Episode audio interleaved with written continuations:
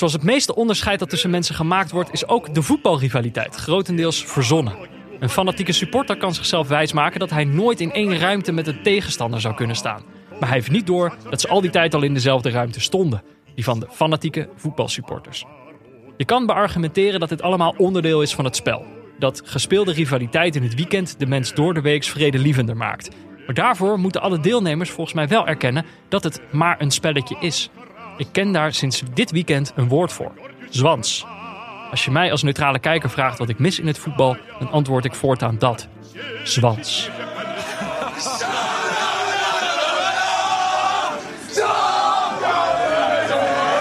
Ja, uh, uh, Casper Ilse, uh, do, do you know the word zwansen? Have you heard of the word? Of course. So you don't have to be serious now. No more football cliche interviews. Speak with your heart. Yeah, it's uh, it's it's fantastic. These two guys, they had an, an amazing season, of course. Uh, but I think what is amazing about Ja, Jordi?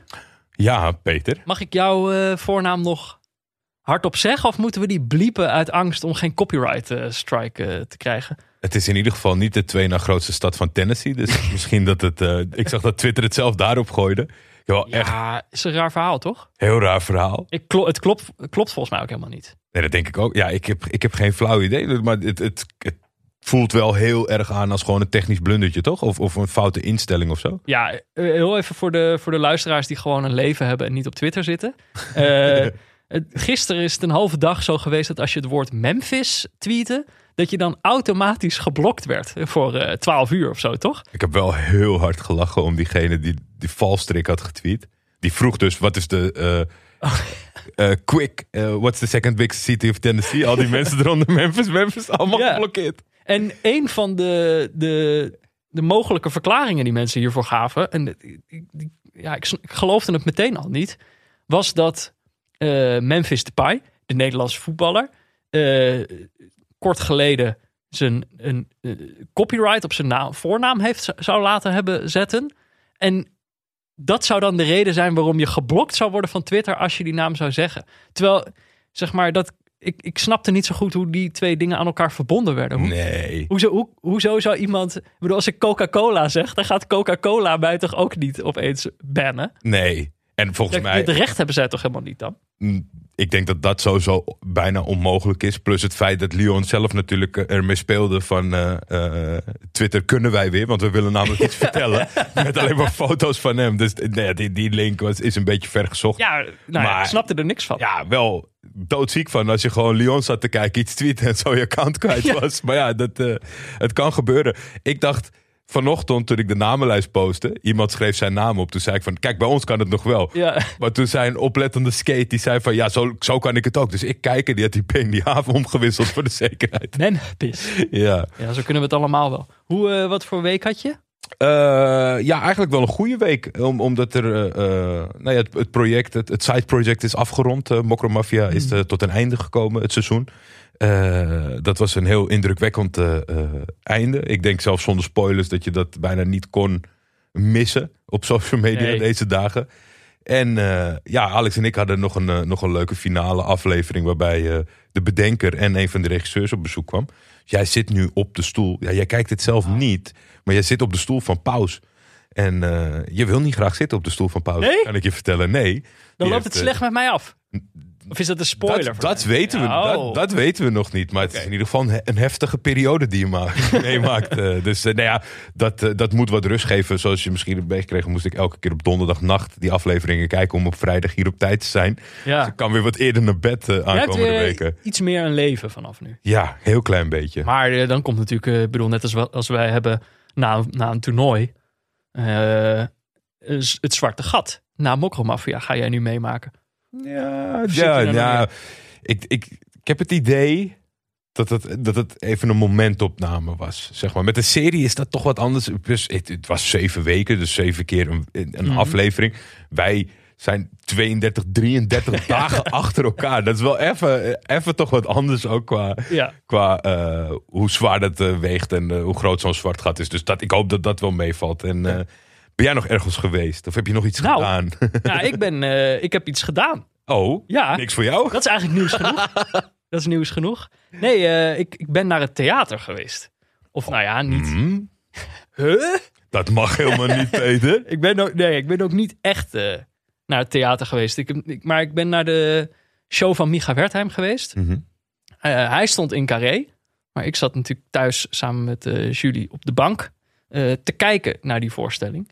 En eh, nou ja, dit was eigenlijk voor het... Ik heb dit gewoon helemaal niet gedaan. Dus al een jaar lang of zo. Daarvoor ging ik best wel vaak naar de bioscoop of naar het theater of zo. Ik heb het daarna gewoon eigenlijk niet meer gedaan. Omdat ik eh, er gewoon geen zin meer in. Zeg maar, ik vind dat alleen maar leuk. Als je er echt... Nou ja, als je geen zorg hoeft te, hoeft te maken over, over, weet ik veel, of, of je niet besmet raakt of iemand besmet of zo. Dat gaat zo in tegen de aard van het theater. En het leuke was dat die show van Micha Wertheim ging daar ook over. Ging daar echt over van hoe, hoe eh, tegenintuïtief het is om, op, de, om op, op deze manier theater te maken. Om dus de mensen niet te kunnen zien, dat die mensen elkaar ook niet kunnen zien. En eh, in die show zelf heeft hij het daar dan ook over. En het grappige was dat hij dat vergeleek met voetbal. Dat hij zei van. eh, hij zei: het werkt gewoon niet. Want ze gingen op een gegeven moment weer voetballen in een leeg stadion. En je kijkt ernaar en de magie is gewoon verdwenen.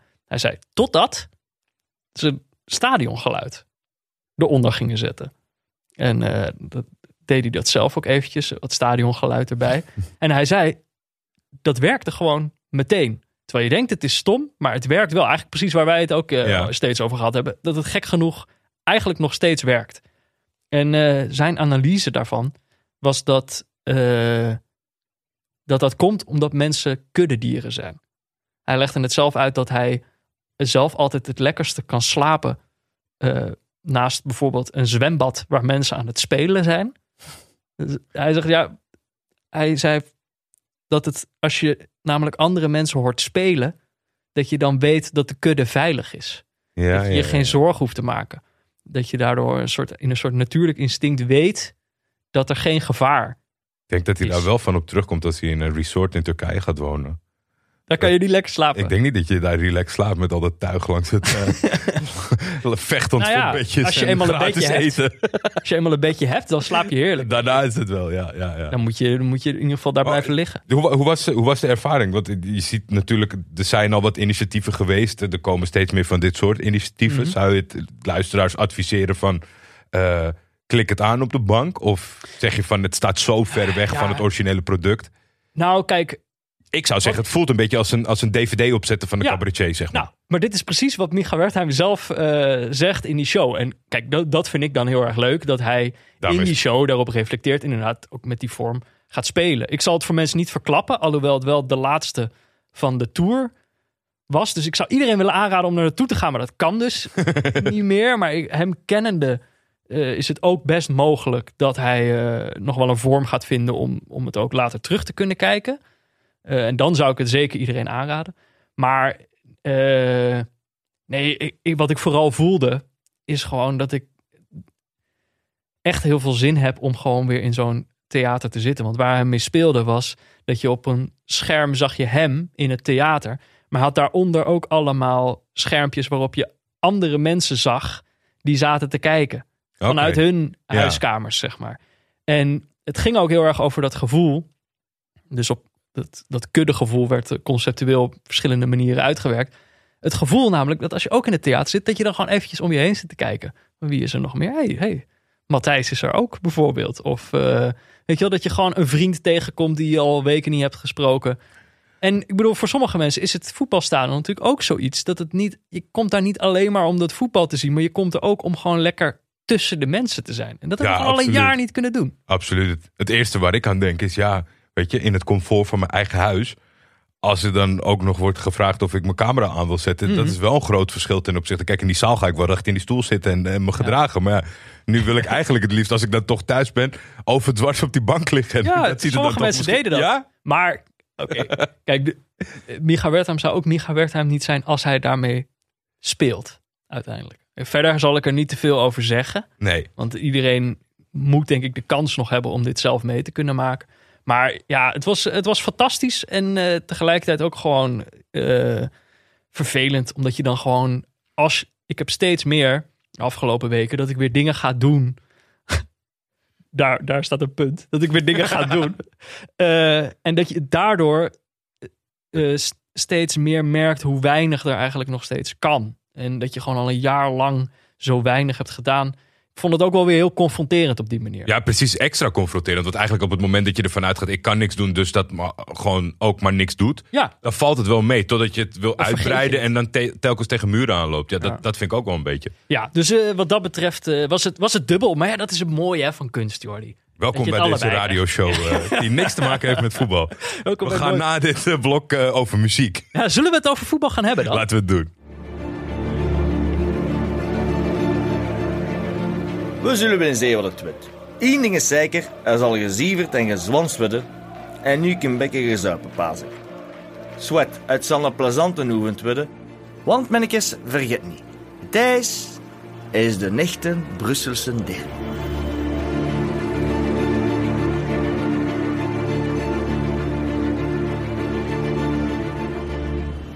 Ja, je hoorde een fragmentje uit, eh, uit een, uit een do- docu van eh, Sportza. Mhm. Ik weet niet of mensen het hebben verstaan, maar eh, de aanleiding is dat we deze week hebben gekeken naar de echte Brusselse derby. Union tegen RWDM, twee van de oudste clubs van België. Die eh, speelden dit seizoen voor het eerst in 35 jaar weer in dezelfde divisie. En eh, nou ja, het is dan ook nog eens een divisie waarin ze dan vier keer, maar liefst vier keer tegen elkaar spelen. In de karakteristieke Zwanze derby, zo wordt deze genoemd. En dit was de vierde van, de, van die vier.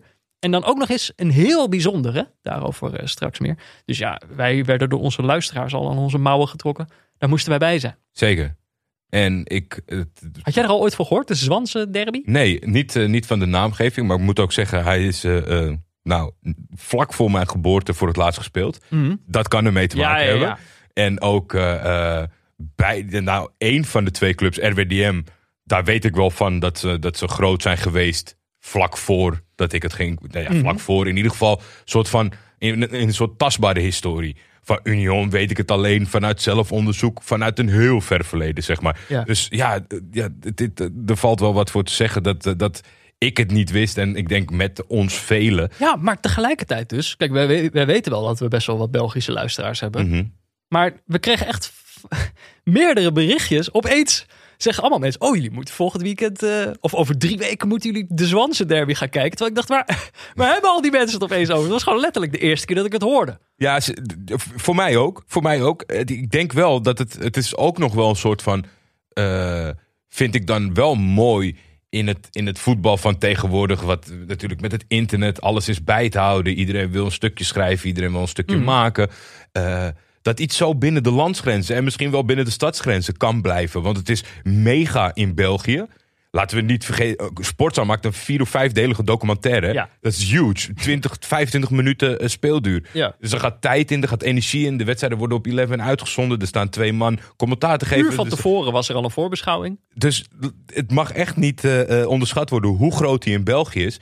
Maar daarbuiten niet. Het is ook niet dat eh Copa 90 of Goal of Guardian of zo. Weet je, dat gebeurt gewoon met andere shit wel. Ja. Dat maakt niet uit. Laatst was een derby. eh, Salamanca tegen Unionistas. Dat is een soort van uit elkaar gegroeid. Spanje? Ja, dat, de oude club tegen de nieuwe club. De nieuwe club door de supporters opgericht. Oh ja. Zitten op 30 meter van elkaar. Maar dat is dan Secunda B, denk ik. Mhm. En dat zie je dan gewoon langzaam toch wel op de belangrijke plaats verschijnen. En dat, dat de Zwanse Ja. derby, ja, we- na deze uitzending natuurlijk niet meer. Maar tot aan deze uitzending, eh, niemand kende het. Nee, maar eh, ik dacht het is wel daarom even goed om een soort eh, disclaimer hier te zetten. En die zou eigenlijk in elke aflevering moeten staan. Maar ik dacht in deze, omdat er misschien zo'n groot gat zit tussen wat al die enthousiaste Belgische luisteraars allemaal weten. En tussen wat ik, laat ik voor mezelf spreken, wat ik eigenlijk weet. Dacht ik, oké, voor sommige luisteraars zullen sommige dingen die ik zeg compleet gesneden koek zijn. Eh, maar dan moet je dus weten dat ik gewoon voor dit weekend helemaal niet wist dat deze wedstrijd bestond. Waar die wedstrijd over ging. Wat, eh, wat de achtergrond ervan is. Dus je moet gewoon weten van. Het is alsof ik gewoon net erachter ben gekomen wat voetbal is. en daar nu een podcast van een uur over ga maken. Dus als ik iets zeg dat onjuist is. Of als ik heel verbaasd ben over dingen die jullie heel normaal vinden. Ja, maar kijk, Vergeef mij dan. als zij in hun eigen land een fatsoenlijke podcast hadden gehad. Naast eentje die over de actualiteiten gaat. Dus shotcast buiten beschouwing gelaten. Dan zaten ze niet naar ons te luisteren. Dus ze zullen het vast niet erg vinden. Nee, dat is waar. Kijk, normaal moeten wij bij een wedstrijd helemaal op zoek naar het narratief. Ja. Maar we zeiden het eigenlijk net al, vijfdelige sportsuidoku. Eh online kwam ik een artikel tegen, of kwam ik tegen, werd ons opgestuurd door een vriend van de show van ons op eh, de site van FC Afkikken. Heel artikel geschreven over deze wedstrijd, Sander Grasman. Ja, Eh, we kregen een mail van Bertje, die ons even in, eh, inwijde in deze, deze wereld. Dus ja, ik bedoel, wij hoeven, wij hoeven dit hele narratief, dat hoefden we niet meer uit te vogelen. Dat is door anderen al geschreven. ja. Ehm, Zullen de, eh, behalve de mail van Bertje, eh, zetten we in de show notes natuurlijk, als jij nu luistert. En eh, die docu zou ik zeker aanraden Ja. om te kijken. dat is geweldig. Dus die, die zullen we zeker delen, hè, dat artikel van Sander. Dus je krijgt ook nog een stukje nazorg deze week. Ja. Normaal stopt het als wij stoppen. Maar nu is er nog, ja, er is zoveel. En enerzijds dacht ik, fantastisch, want het enthousiasmeerde mij enorm om Mhm. het te kijken en om erin te leven, eh, in te lezen, in te kijken. Ja, want Aan de soms zitten andere wij ook kant- naar wedstrijden zonder narratief te kijken. En dan, moeten we zelf, dan kost het heel veel moeite om zelf een verhaal te maken van die wedstrijd. Hier was het compleet andersom. Ja, maar ik, ik, merk toch wel, zonder op de zaken vooruit te lopen. eh, het zorgt ook voor een immens verwachtingspatroon. Dat merkte ik bij mezelf. Ja. Want even kijken. We hoeven denk ik niet het hele verhaal na te vertellen. Als je dat helemaal wil weten, dan moet je gewoon lekker die sportsadoku kijken. Maar toch, eh, voor de mensen die daar de tijd niet voor hebben, of die nu toch geen zin hebben om de podcast op pauze te zetten voor vijf afleveringen. Ehm, eh, hoe zou je aan een onwetende luisteraar uitleggen wat de Zwanse derby is? Ja, eh, Union Saint-Gilles. Gilles, ik, ik ben Frans. is- Gilloise? Gilloise Mhm. tegen RWDM. Brussel. Ja. Brussel, meerdere, meerdere verenigingen. Mhm. En eigenlijk eh, sinds eh, er gevoetbald wordt in België, eh, ja, was daar toch wel het gigantische Union. Dat een, een reeks had van maar liefst 60 wedstrijden, waarin ze bijna 60 wedstrijden achter elkaar met dezelfde elf mensen speelden en al die wedstrijden wonnen. ja. Totdat RWDM op bezoek kwam. Dus dat was wel mooi dat het, dat het al heel vroeg Breker van de reeks. Ja. En het, het, het gekke van deze confrontatie, wat heel snel er doorheen eh schemerde, wat het opent met een paar oude hoofdrolspelers, waaronder eh, Jan Boskamp, wat een hele grote verdette was bij RWDM, Mhm. over wat dat, wat dat Zwansen nou precies inhoudt. ja. Eh, daar geven ze allemaal een soort van lichte andere invulling Ja, iedereen aan. heeft daar een beetje een eigen idee over. Wat, Ja. wat Zwanze precies is. De, de, de Belgen lagen wat dichter bij elkaar. Jan, Dos, eh, Jan Boskamp die ging voor dolle. Dolle, dolle met elkaar. Maar het is vooral eh, wat ongekend is voor een langlopende riva- rivaliteit. Is, is rivaliteit wel het goede woord voor deze derby? Ja, maar een soort eh, speelse eh, rivaliteit. Sander Grasman omschreef het volgens mij als broedertwist. Ja, Wat misschien wel het beste woord is. Omdat, nou ja, je hebt dus twee Brusselse clubs. Twee grootheden van, van, van voor de oorlog. Eh, allebei een heel rommelig verleden. Waardoor ze alle, allerlei, allebei helemaal zijn afgegleden. Meerdere keren eh, failliet gegaan. Eh, maar dat zij op een gegeven moment om zeg maar dat oude Brussel een beetje te eren. Vriendschappelijke wedstrijden tegen elkaar zijn gaan organiseren ja. een soort benefietachtige wedstrijden. Maar ik weet dan niet, volgens mij werd er niet geld ergens voor opgehaald. Was het dan gewoon een soort, een soort carnaval. Waar ze lekker met elkaar gingen, gingen, gingen drinken. Of zwamzen. Ja. Wat dat woord ook eh, precies mag betekenen. Maar precies, eigenlijk de kern is dus dat het een vriendschappelijke rivaliteit is. Dat, die, dat er geen supportersgroepen zijn die elkaars homes in de fik zetten. Nee, Dat er geen, eh, tenminste, ik heb het in de docu niet teruggezien. nee dat- dat, was zeker behandeld. Want het ging van oprichtingsjaar tot aan vandaag de dag. Dus dan, Ja. of het moet eh, vrij recent gebeurd zijn. Maar... eh, eh, Maar waar zie je? Het grappige is dat dat, dat, dat, dat, dat je dus verrast. Een rivaliteit die vriendschappelijk is. Je gaat er gewoon bij voetbal automatisch vanuit.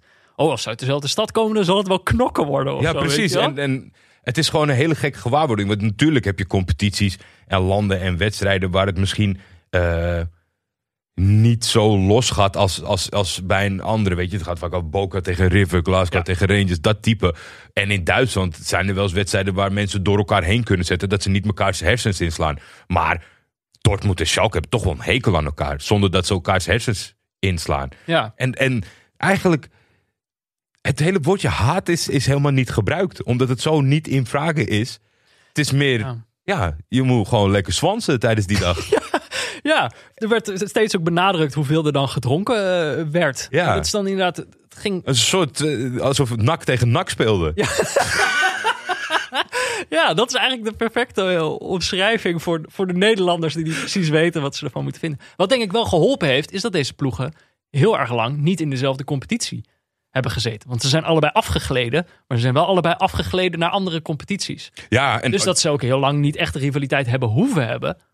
Eh, Nee. Doordat ze gewoon niet bij elkaar in dezelfde competitie zijn. En dat is toch ook wel, dat is, dat is echt wel eh, een cruciaal ding wat je aanstipt. Omdat voetbal, eh, als je kijkt naar de oude beelden, een polygoonjournaal, dat zijn mannen met bolhoeden die langs het veld staan en Ja. hun petje afnemen als er gescoord worden. maar uit die tijd stamt het succes van Union. Ja, En de verharding en het hooliganisme en dat soort dingen is natuurlijk veel later. Wel ten tijde van Molenbeek.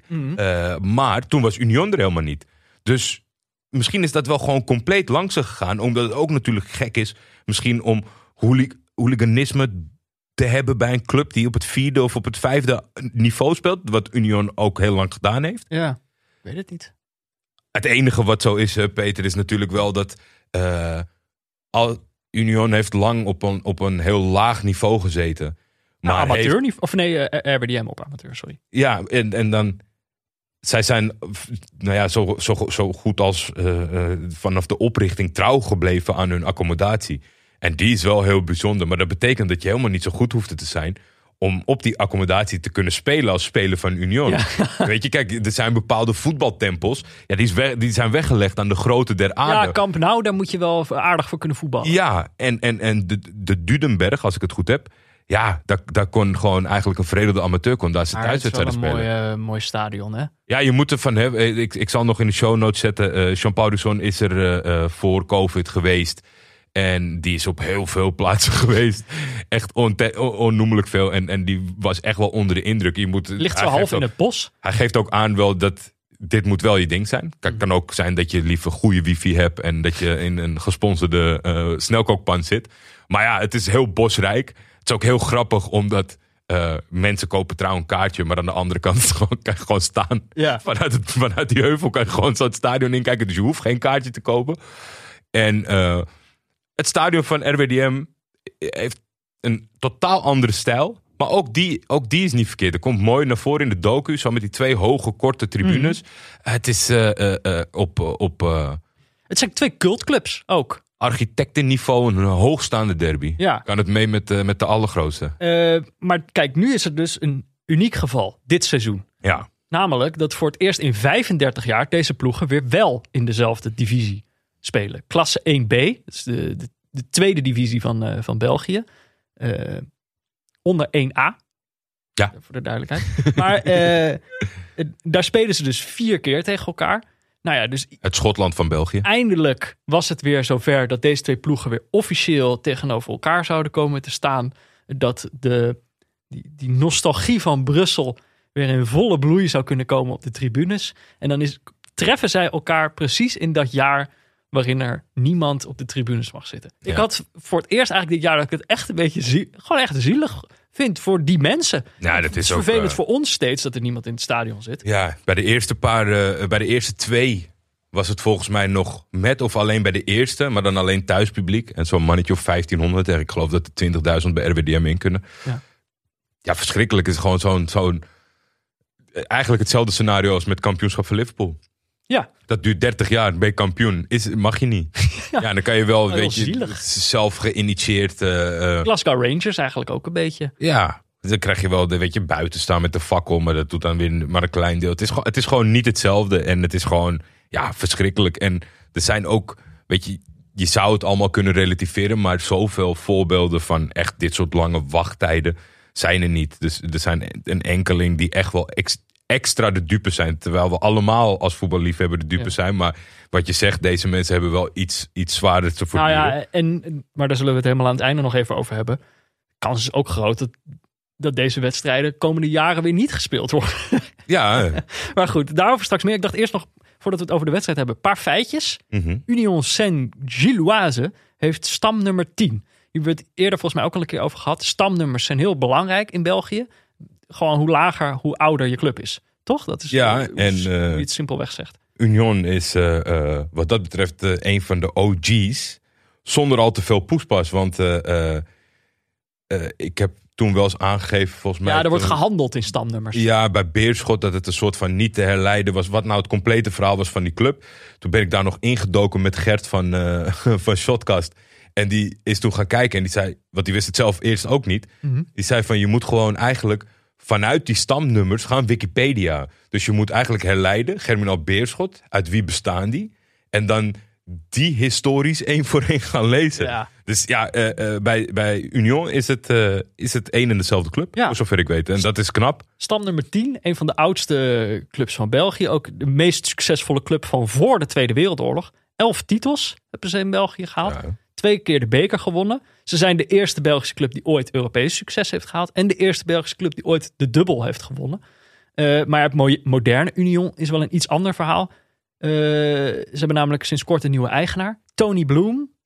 Ja, Eh, minder. Een pokeraar. ja, ja. Een, een Die is rijk hele, geworden door pokeren. een hele goede, een hele goede pokeraar. Heeft al Brighton en Ja. Albion in, in zijn portefeuille. Doet dat al eh, geruime tijd. Is volgens mij wel iemand. Het is niet. eh, eh, het is niet Kijk, een pokeraar, dan krijg je toch al snel het idee Ja. dat iemand met een snelle Ferrari aankomt rijden. En even, die, hoe heette die voorzitter vorige week die op de namenlijst stond? Ja, ik ben nou Die vergeten. uit Essex die gewoon random een club koopt en dan zelf trainer, masseur Ja, en voorzitter wordt.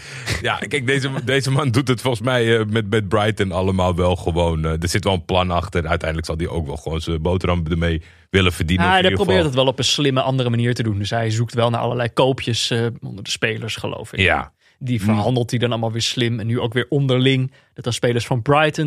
Die komen even een jaartje bij Union voetballen. Dus ja, Ja. Tony, Bloom is... maar we hebben het tot nu toe over eh, een bepaald sentiment en cult en een prachtig stadion en, en trouw aan jezelf een stamnummer. Maar dan is toch de conclusie dat een Tony Bloem eh, het minder sexy maakt. En dan, dan denk ik ook wel, als je een beetje tussen de regels door het sentiment leest, dat voor de zoveelste keer mijn punt wel is gemaakt dat je super principieel kan zijn tot het jou overkomt en je gewoon gaat genieten Ja. van het succes en ik denk toch altijd liever Tony Bloom dan de Citigroup of zo. Snap je? Mm. Dus dan... de- Ja, maar wat is feitelijk dan nu langzamerhand het verschil van de Tony Blooms nog dan de Citigroup? Ba- De, oor- Ja. de, oor- eh, de oorsprong van het geld? Maar voor de rest heeft hij toch ook al Brighton? Ja. Maar als we die, die, die oud-eigenaar van Billericay van vorige week, die zit aan de ene kant van het spectrum. Aan de andere kant van het spectrum, heb- spectrum heb je de Citigroup. Dan zit Tony Bloom nog wel iets dichter nog bij die, die Billericay-eigenaar. Ja, en toch, toch denk ik dat we dat zelfs ook weer dat gaan kwijtraken. Omdat zo iemand bij Brighton het dan goed Ja, hij doet het net iets te goed eigenlijk. Dat is Ja, en dan gaat hij het uitbreiden. Ik hou niet van mensen die uitbreiden. Ja, ja. Dat, daar moeten ze op, je mag een club kopen. Dat mag je als groep doen. Dat mag je als holding. Dat mag je als individu doen. Maar zorg nou dat iemand één club maximaal mag bezitten. Dat is toch gewoon leuker. Gewoon leuker. Ja. Tot zover Union. RWDM, die is voetballen tegenwoordig met stamnummer 5479. Iets later, maar voormalig stamnummer 47. Ik heb niet die hele geschiedenissen gelezen. Maar dit is dus ook een club eh, waarvan de geschiedenis ook lastig te achterhalen is. Omdat het ook een fusieclub is van drie verschillende Brusselse clubs. RWDM is ook een afkorting voor Racing White Daring Molenbeek. Eh, dus ja, je hebt de Racing, White en Daring. Die zijn met z'n drieën samengegaan in, in Molenbeek. En zijn nu RWDM. Dat zijn ze al meerdere keren geweest. Ja. Die naam is al meerdere keren uitgeprobeerd. Ze zijn al een paar keer failliet gegaan. Eh, en het leuke is eigenlijk dat zij dus pas sinds dit jaar... en daarom spelen ze nu ook weer in deze divisie... weer een proflicentie hebben. Tot vorig jaar was het gewoon nog een amateurclub. Ik, ik heb dan toch altijd soort van in, in, in mijn drang naar puristische dingen. Mhm. Dat ik een beetje moeite heb met dit fenomeen. Voornamelijk in België. Dat bijna niks meer het originele is. Zeg Ja, maar. ja, ja. Het, het, het, het is dan de Zwanse derby. Maar wat is hier nog RWDM aan? Dat, dat zijpelt altijd een beetje door. En wil ik geen azijnzeiker zijn. Maar ja, als jij toch door, door de levensduur van jouw club 38 fusies achter de rug hebt, drie faillissementen, al elke keer weer andere betrokken mensen. Ja. Wat, weet je, je kan zeggen dat het stadion en de uiteindelijke het team de club is, maar ja, Ik moet ook zeggen dat ik, ik word ook altijd een beetje wantrouwig op het moment dat eh, nostalgie zo, zo groot, zo belangrijk wordt gemaakt. Zeg maar, dat, is, dat voelt toch ook, nostalgie voelt ook altijd een beetje smerig. Zo van vroeger was het beter. Zeg maar, Mhm. Wat bedoel je daar nou Mhm. precies mee? Moet zeggen dat dat in die, in die docu niet op die manier naar voren komt. Het ziet er wel echt uit als gezellige nostalgie. Ja, Ehm, en ook niet echt als, als, als een beetje vieze nostalgie. Eh, maar dat het uiteindelijk is het natuurlijk ook gewoon... Ja, de, de mensen nu, die nu bepalen dat dit de Zwanse derby is... Ja, dan is het dat ook gewoon. Ja. Ik, ben, ik ben wat dat betreft ook niet per se zo geïnteresseerd... of dat dan origineel allemaal nog wel puur genoeg is en zo. Want dat wordt dan altijd een beetje smerig of zo. Van wie hoort er dan wel bij en wie hoort er niet bij. En jij bent Ja. geen echte en jij bent wel een echte. Dat zou naar mijn idee ingaan tegen het idee van de Zwanzen. Namelijk... eh, tuurlijk, tuurlijk. Maar dit is gewoon, dit is zeg maar een beetje eh eh, Jordi die achter zijn computer eh, onderzoek zit te doen Ja. naar RWDM. En eh, dat, dat komt ook wel, zeg maar, er waren een paar oudere supporters eh, aan het woord. Mhm. En dat zag je ook al, dat er een soort van gek fenomeen was bij die eerste fusie. Toen, vlak voor de eh, toptijd, dat, het heette dan RWDM. En alle betrokkenen en alle spelers zeiden, ja, maar dat is gewoon dering. Ja, het is gewoon dering. is gewoon dering. Jan Boskamp die vertelde nog dat hij daar helemaal niks van begreep. Ja. Iedereen had het over dering en hij begreep dat Dus ik heb toch bij RWDM getekend. Vond wel nog, eh, nou, om die docu niet te spoilen, maar het is altijd andersom, zeg maar. En eh, de reden en de manier waarop RWDM kapot gaat na de topjaren, dat vond ik zo uniek. Dus er was een Ja, aannemersbedrijf. met het metro. eh, Ja, een Ja. bouwbedrijf. Dat dan soort van had de deal gesloten. Ik red de club van de stad wel. Maar dan moeten jullie ons ook een beetje werk verschaffen. En de gemeente zei: ja, ja, dat doen we, doen we, doen we. Maar meestal is het zeg maar de commerciële kant die het opfokt. En dat de gemeente soort van het moet redden. Maar nu heeft de gemeente ervoor gezorgd dat zowel die club als die aannemer failliet zijn gegaan. Het metronetwerk werd een fiasco. ja. Er is de club aan, aan ten onder gegaan.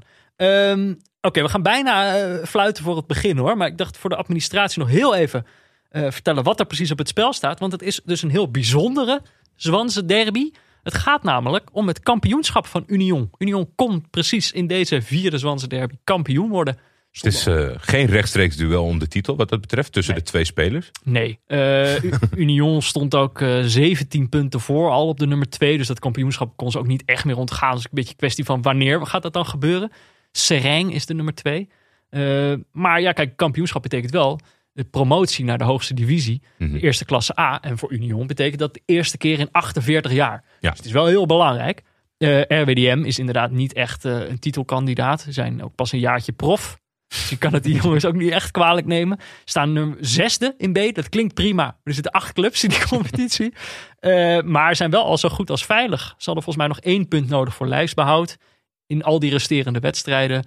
Dat, Eh, moet wel- dat moet wel lukken. Ja, dat moet wel lukken. In deze wedstrijd natuurlijk lastig.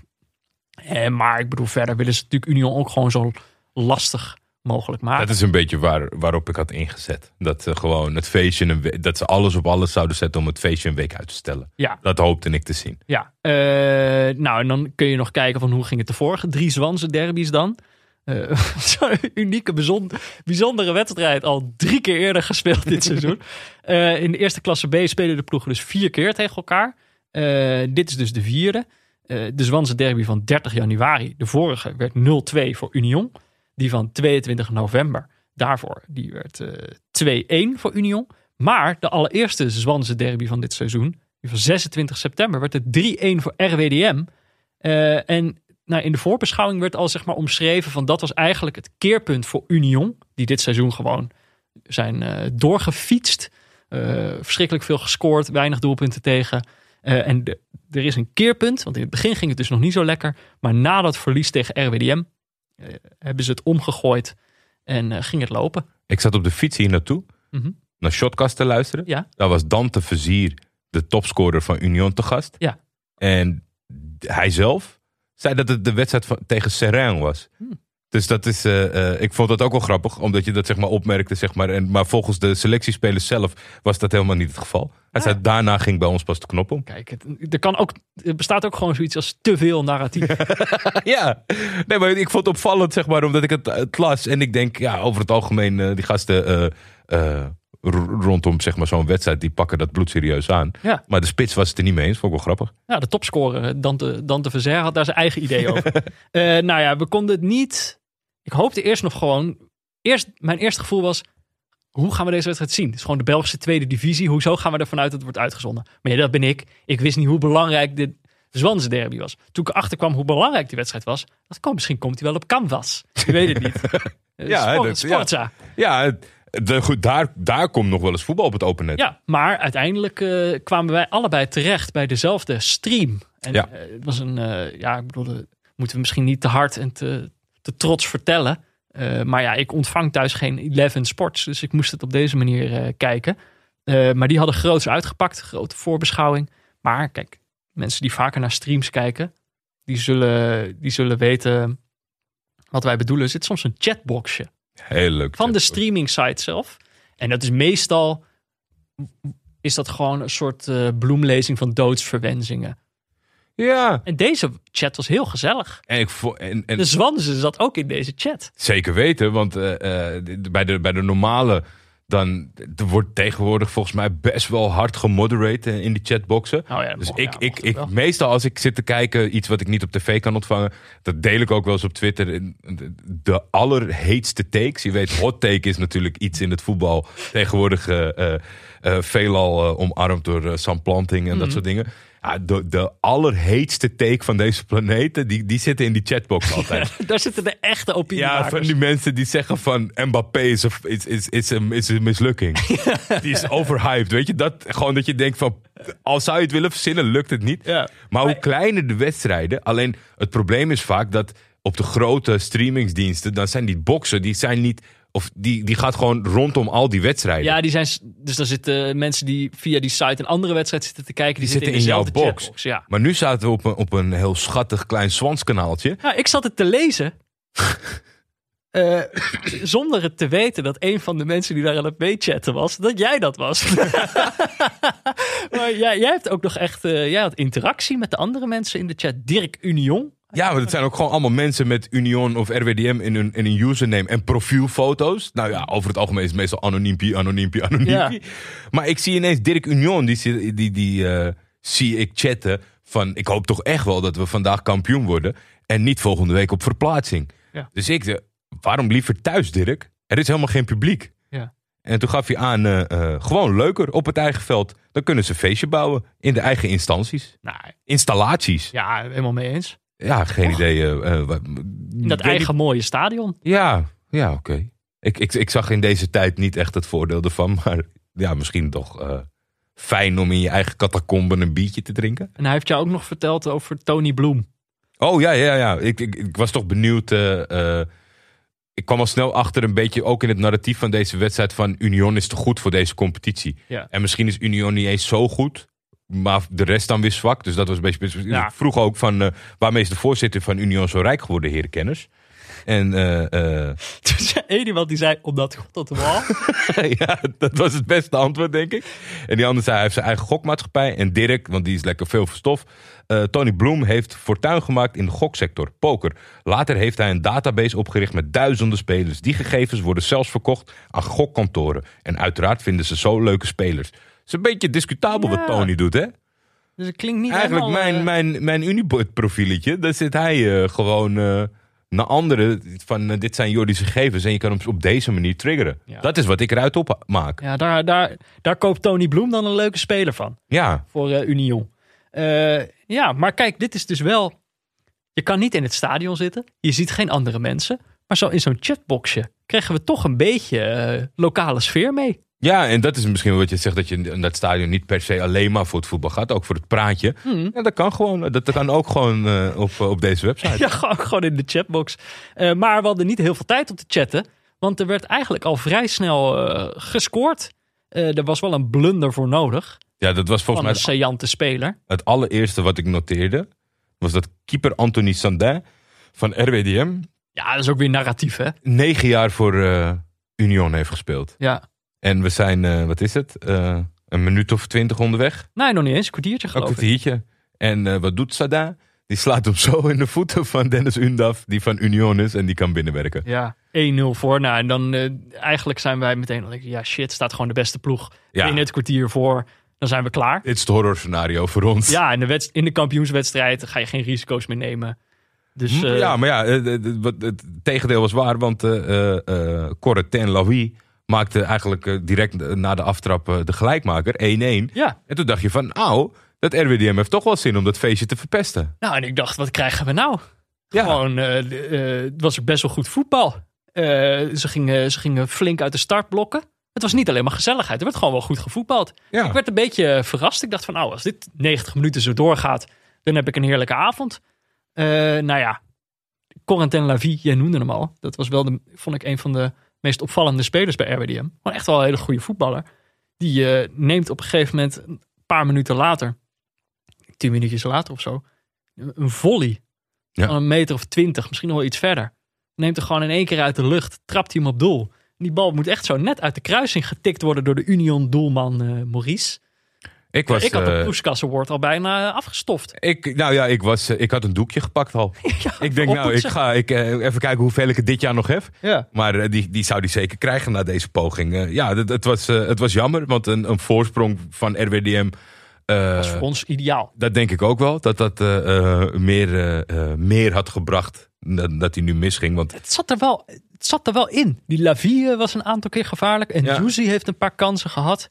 Eh, maar Efestion, ook een mooie naam. hele mooie voetbalnaam. kwam ook veel voor in het spel. Eh, er waren echt veel kansen voor RWDM.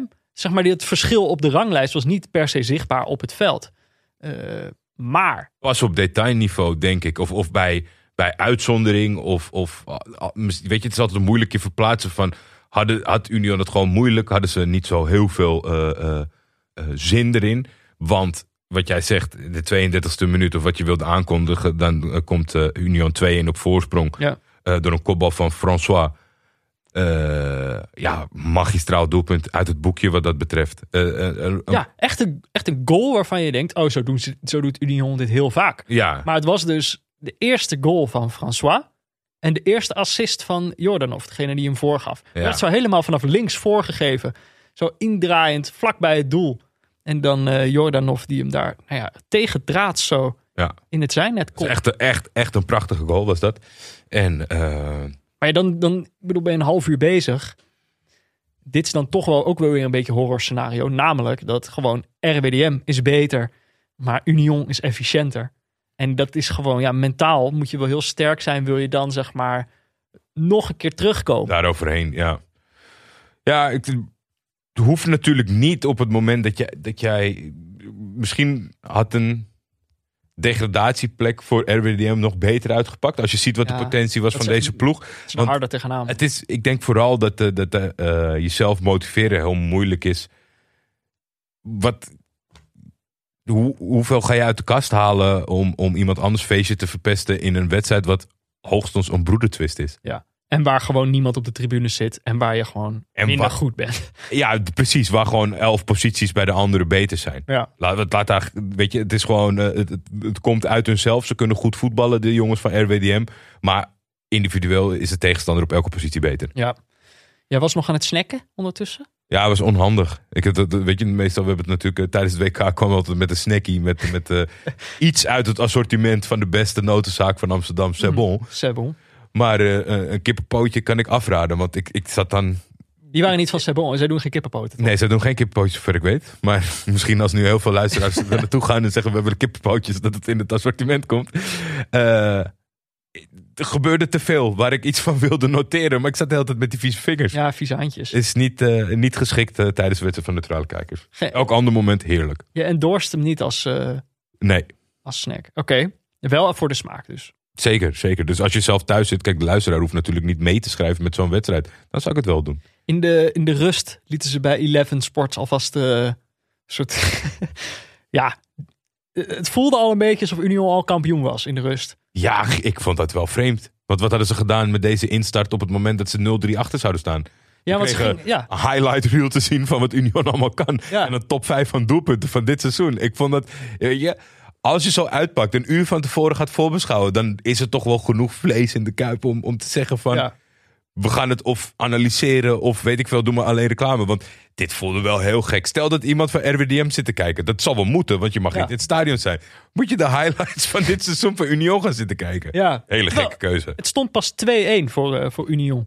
als het goed is, ik bedoel, ja, Ja, of misschien als er genoeg gezwanst wordt in de tweede helft, dan kan er nog zoveel veranderen. Misschien zijn ze in België al zover dat ze gewoon eh, mensen op maat bedienen. Dat wij de Union stream hadden. Dat de andere mensen de RWDM top 5 kregen te zien. Dat ze hun eigen, dat ze eigen stream hadden, dat kan misschien ook. Eh, maar ja, we waren dus even naar de rust en eh, wij gaan nu ook eventjes naar een berichtje van onze sponsor.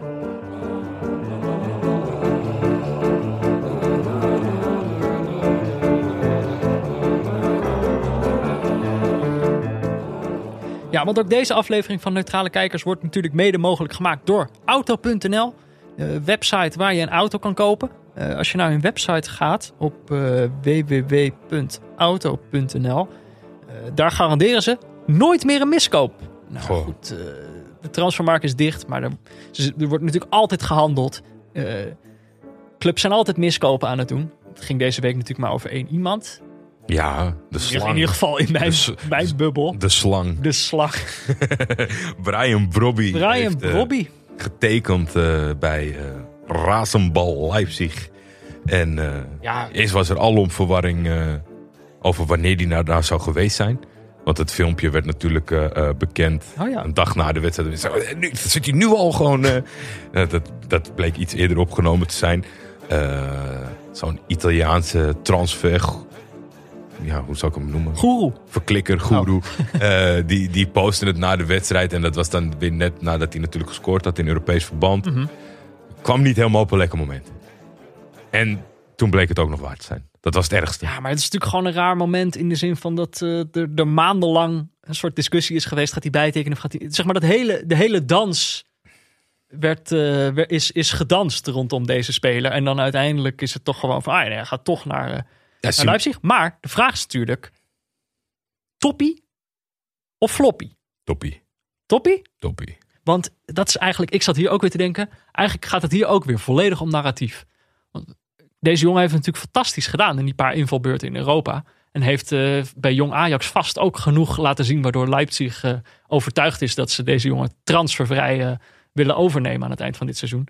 Maar ja, wel beschouwd heeft, deze, heeft hij natuurlijk nog helemaal niet laten zien of het ook een spits is die 90 minuten lang op dit niveau kan presteren. Want op dit niveau zou je natuurlijk zeggen, toppie. Klopt. Maar, dus, zeg maar er is gewoon een heel verhaal rondom deze jongen gecreëerd. Waardoor, waardoor denk ik iedereen zoiets heeft van ja, toppie. Heeft hij natuurlijk ook zelf gedaan met prestaties of zo. Ja, maar je stelt mij een gesloten vraag. Dus Ja. ik heb geen ruimte om het toe te Nee, lichten. Ik kan alleen maar zeggen toppie. Nou ja, dan zal het dat ook wel zijn. Ja, Ik geloof jou wel. Het gekke, het gekke blijft gewoon wel aan, aan, aan wat jij zei over de dans. Dat, eh, die, die vertrouw ik volledig, Simon Tjommer aangaf.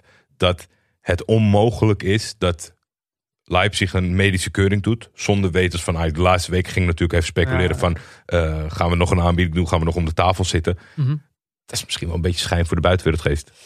Ja, maar dat vind ik dus niet heel erg. Ik zeg maar, het is met Iataren natuurlijk ook veel gegaan over, zeg maar, rondom wie dezelfde dans wordt gedanst op dit moment. Een jaar, een gaat, anderhalf over, jaar van het gaat over transparantie. Ik vind dat niet het allerbelangrijkste. Ik vind niet dat mensen recht hebben om precies te weten wat, eh, wat zo'n jongen precies zegt achter gesloten deuren. Of wat er precies afgesproken wordt achter gesloten deuren. En zeker op die hele jonge leeftijd vind ik dat je ook een beetje als club heb je ook. Het is natuurlijk een professional, maar je hebt ook een beetje de verantwoordelijkheid om zo'n jongen denk ik, een beetje te beschermen. En ik denk dat ze dat bij Bobby gewoon wel echt goed gedaan hebben. Ze hebben hem echt in bescherming genomen. De, de allerbelangrijkste vraag, denk ik, voor de aankomende periode is: Peter, jij hebt een, een, een fantastische wagen in, jouw eh, in jouw garage staan. Ja, Eh, je hebt hem al eh, verkocht aan mij. ja. Ga jij er nog in rijden?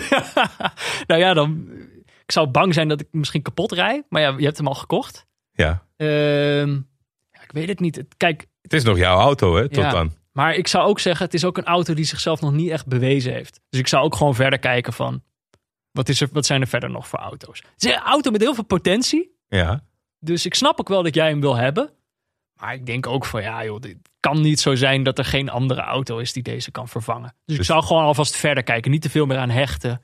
Gewoon een beetje. Niet meer gebruiken. Je laat hem staan tot ik hem, eh, Ah, ja. tot ik hem eh, Ja, als je- kom ophalen. Gewoon, eh, kijk, af en toe gebruiken als je hem nodig hebt. Kijk, als je geen nieuwe kan vinden, moet je hem gewoon gebruiken. maar als je, er- als je er nog eentje naast hebt staan, dan ga je toch alvast wennen aan die nieuwe. Of zou je hem nog helemaal kapot rijden? Voor de, helemaal afrachen. Ik, eh, Even crossen. Ik zou Even gewoon... donuts op de parkeerplaats. Op het moment eh, eh, dat ik eh, eh, deze auto nodig heb, eh, hem gewoon opstarten en gebruiken. Ja joh. Als je denkt dat hij het beter doet dan elke auto die je hebt, dan moet je hem gewoon gebruiken. Kijk, en voor dit soort auto's moet je natuurlijk ook gewoon naar auto.nl. Slash. Waar ze hem niet zullen gebruiken, totdat jij hem hebt gekocht. Het is niet zo dat de jongens van Auto.nl donuts gaan draaien met jouw aankoop. Nee, Dat doen ze daar niet. nee. En eh dan gaan ze gewoon heel netjes, eh, dan doen ze het ook heel netjes, wordt het netjes afgehandeld allemaal. Ja, Eh, auto.nl slash neutrale kijkers. Ja, eh, wat hebben we geleerd van deze wedstrijd? ja, we kunnen de tweede helft wel overslaan. Er is gewoon niks gebeurd. De eindst, we kunnen gewoon stellen, de eindstand stond na 32 minuten al op rapport. Ja. Eh 2-1 voor Union. Tweede helft heb ik niet geloofd in een andere uitslag dan die. Misschien eh, Nee. 3-1, misschien 4-1. Eh, Union heeft het ook af en toe nog wel eens geprobeerd. RWDM zet op een gegeven moment vier aanvallers in het veld. Maar ja, kijk, je kan er vier opstellen. Als die bal daar nooit komt, dan heb je er niks aan. Dan kan je er tien in neerzetten. Ik, eh, jij schreef het op. Ik vond hem, eh, ik vond hem bijzonder, bijzonder treffend. En, en pijnlijk tegelijk voor RWDM. Aan de andere kant, als je net aan... Weet je, als je op het randje balanceert bij 1B, wat mogen de mensen verwachten? Het, het, het, het zat er niet in. Het heb er nooit meer in gezeten. We hebben een, een leuke start gehad. En ik vond het heel moeilijk om eh, gefocust te blijven in de tweede helft. En dat is misschien wat ik een beetje van tevoren aankondigde. Dat op deze manier. Kijk, normaal gesproken. eh, In zo'n wedstrijdbeleving. Het is niet, ik duik niet een week van tevoren in zo'n wedstrijd. Dus het is een beetje op die wedstrijddag. En dan is het leuk. En als je, Beetje wat, warm draaien. als je wat feitjes vindt, dan diep je het wat uit. En dan ga je toch tijdens die wedstrijd, omdat je vaak niet helemaal weet welke elf gaan spelen, die spelers opzoeken. En dan heeft de wedstrijd al vaak een stukje nodig, waardoor je steeds een beetje eh tijd tekort hebt, die je dan als het eventjes wat minder wordt kan gebruiken. Ja. En, en dat was hier gewoon niet, omdat ik, ik wist alles van deze wedstrijd. De Zwanse Te veel narratief. Ja, veel te veel. Dus hoe prachtig die documentaire dan ook is en was, heeft hij mij wel een beetje in de weg gezeten met dat torenhoge creëren van. Ja. Ik wil een hele gezellige Zwanse derby zien, maar die kwam, kwam er niet. Nee, maar Want dat is het gewoon ook het probleem. Ik denk ook niet, deze wedstrijd staat ook helemaal niet bekend omdat er altijd zo geweldig gevoetbald wordt. Staat ook gewoon bekend omdat die supportersgroepen dan zo'n gezellige dag hebben met elkaar. Ja, maar voor al die Belgen ik- tip ons dan voetbalwedstrijden. Kijk, als we zo meteen weer langs mogen komen, dan zeggen jullie nou, kom eens een keer hier naartoe. Gaan we een pintje drinken. Ja. Want daar is die. Die wedstrijd is eigenlijk voor ons om te bezoeken en helemaal niet om te bespreken. Nee, precies. Maar dat is dus, kijk, dat is gewoon het probleem natuurlijk. Dat er dan gewoon als neutrale kijker blijft er weinig over. Want dat is natuurlijk wel zo. Het staat 2-1. Voor, voor unionisten Ja. is dat natuurlijk nog steeds spannend. Want dan weet je gewoon, oké, nog eh, drie kwartier tot de, tot de titel, tot de promotie. Ik bedoel, dan, als je geen neutrale kijker bent, dan zit je gewoon naar een andere wedstrijd te kijken. En als je neutrale kijker bent, dan denk je, ja, er gebeurt niks. er is gewoon helemaal niks aan de hand. Zoals de commentator het zei, de wedstrijd is aan het doodkabbelen. En dat Kom. vond ik eh, exact eh, omschreven. Complimenten voor Jeroen Roppe. Hij zat ook in de documentaire. Ik weet niet eh, wat hem speciaal maakt. Waarom hij volgens mij vier keer deze wedstrijd mocht verslaan dit seizoen. Hij woont in de buurt, want hij gaf aan dat hij lekker op het fietsie was gestapt. Het is zo'n zo een, een, een union. Wat ik tussen de regels door wel merkte en in stukjes ook zag en, en las. eh, uitermate geschikt. Normaal gesproken voor de neutrale kijkers die eh, gaan vinken. Naar, naar wedstrijden toe gaan. Ja. Want dat, dat, dat vinden mensen en Brusselaren heel leuk. In de documentaire zit ook nog een confrontatie tussen wat in potentie een andere Brusselse derby zou kunnen zijn. Union tegen, eh, tegen Anderlecht. Waar ik compagnie ook lovend is over de club. En dat hij daar vaak kwam kijken. En in de jeugd vaak tegen moest spelen. Ja. Eh, maar Jeroen Roppe, eh, uitstekende commentator. Eh, en dat zeg ik niet omdat hij zo goed Nederlands kan. Nee, het was verraderlijk. Want Heel verraderlijk. hij, hij had een best wel Nederlandse tongval in vergelijking met alle andere mensen die je bijvoorbeeld in de docu aan het woord hebt. ja, dan in de docu zeker. Ja, maar ook waar- gewoon wel op tv. Ik zou... Nederlandse zenders zijn altijd op zoek naar commentatoren. Ik zou Jeroen wel proberen. Die komt hier toch maar wel weg als die commentaar geeft bij Ziggo of Oh, bij, Fo- bij ESPN, zeker. denk ik. Zeker, maar misschien eh, draait, hij daar, eh, draait hij daar zijn hand niet voor om. Ja. Weet je wel, is dit, is dit het voetbal waar hij het voor doet? Ik denk uiteindelijk, tweede helft was het beste samen te vatten in eh vrije trap in de negentigste minuut. Of zelfs nog iets later, geloof ik. Voor RWDM, weet je wel. En dan iedereen gaat dan mee naar voren.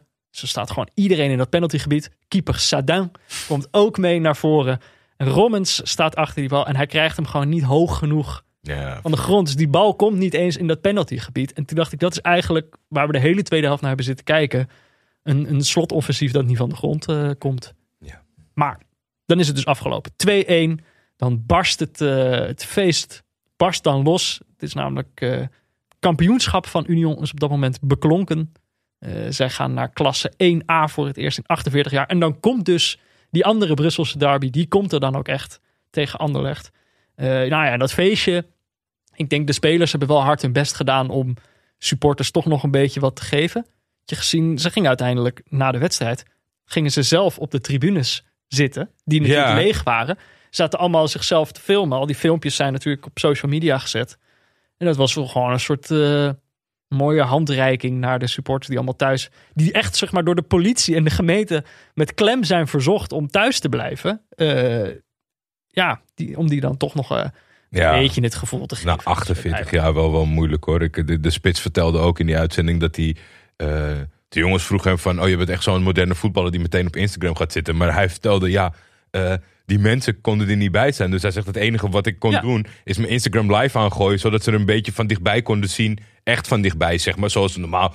Ik denk wel dat het het, het kaliber club is... waar misschien een pitch invasion had gebeurd... op, op het moment van het behalen van de titel. En dan met zo'n Insta Nu was live... eigenlijk omgekeerd, hè? Gingen de spelers de tribune in. Eh, maar Tribune ja, invasion. het is, eh, het is wat het is. Een hele lelijke beker kregen ze. En eh, ik, ik vraag me af, er liepen echt wel wat jongens door, rond met talent. Maar Tante van Zer, die jij noemt, de, de topscorer. Ja, en die Dennis Undaf die de eerste maakte, die is eh, eh, zijn compaan in de spits. Die heeft er ook al heel veel gemaakt. En die Thuma, de aanvoerder. Er loopt wel wat... eh, Dat was een Maltese international. ja, Heb je dat ook gehoord? er is, er is wel wat talent. Ik vraag me heel erg af of, of zij volgend jaar kunnen imponeren. Als ik onderaan eerste klasse kijk. Gewoon wat, Ja, met Tony Bloem. wat pokergeld erin pompen. Ja, Ik gun ze het allerbeste. Joel Veldman uitlenen. Jong. Nou ja, we zullen het zien. Ik, eh, ik gun ze het allerbeste. Dat is gewoon wel na deze wedstrijd. Ja, en ik RWDM ook. Ehm, ja, ik ook. Die moeten zich nog veilig spelen, maar komt wel goed. Ehm, eigenlijk, kijk, over het voetbal hoeven we het niet zoveel te hebben, maar toch wat ik niet zo gauw zal vergeten aan deze wedstrijd is de zwans, waar we het al over hadden.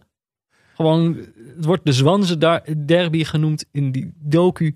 Hebben ze het er allemaal over van dat is een soort unieke eigenschap van de Brusselaren. Mhm. Eh, en de uitleg die mij het eh, meest aansprak was zelfrelativering. Dacht ik, ja, dat is iets wat je in het voetbal niet heel veel tegenkomt. Daar moet je echt hard voor zoeken. En dat ergens. ehm, nee, misschien moet ik gewoon aan jou vragen: hoeveel zwans heb jij, Jordi? Neutraal of niet neutraal? Nou, nou ja, dat, alle, leg allebei maar uit.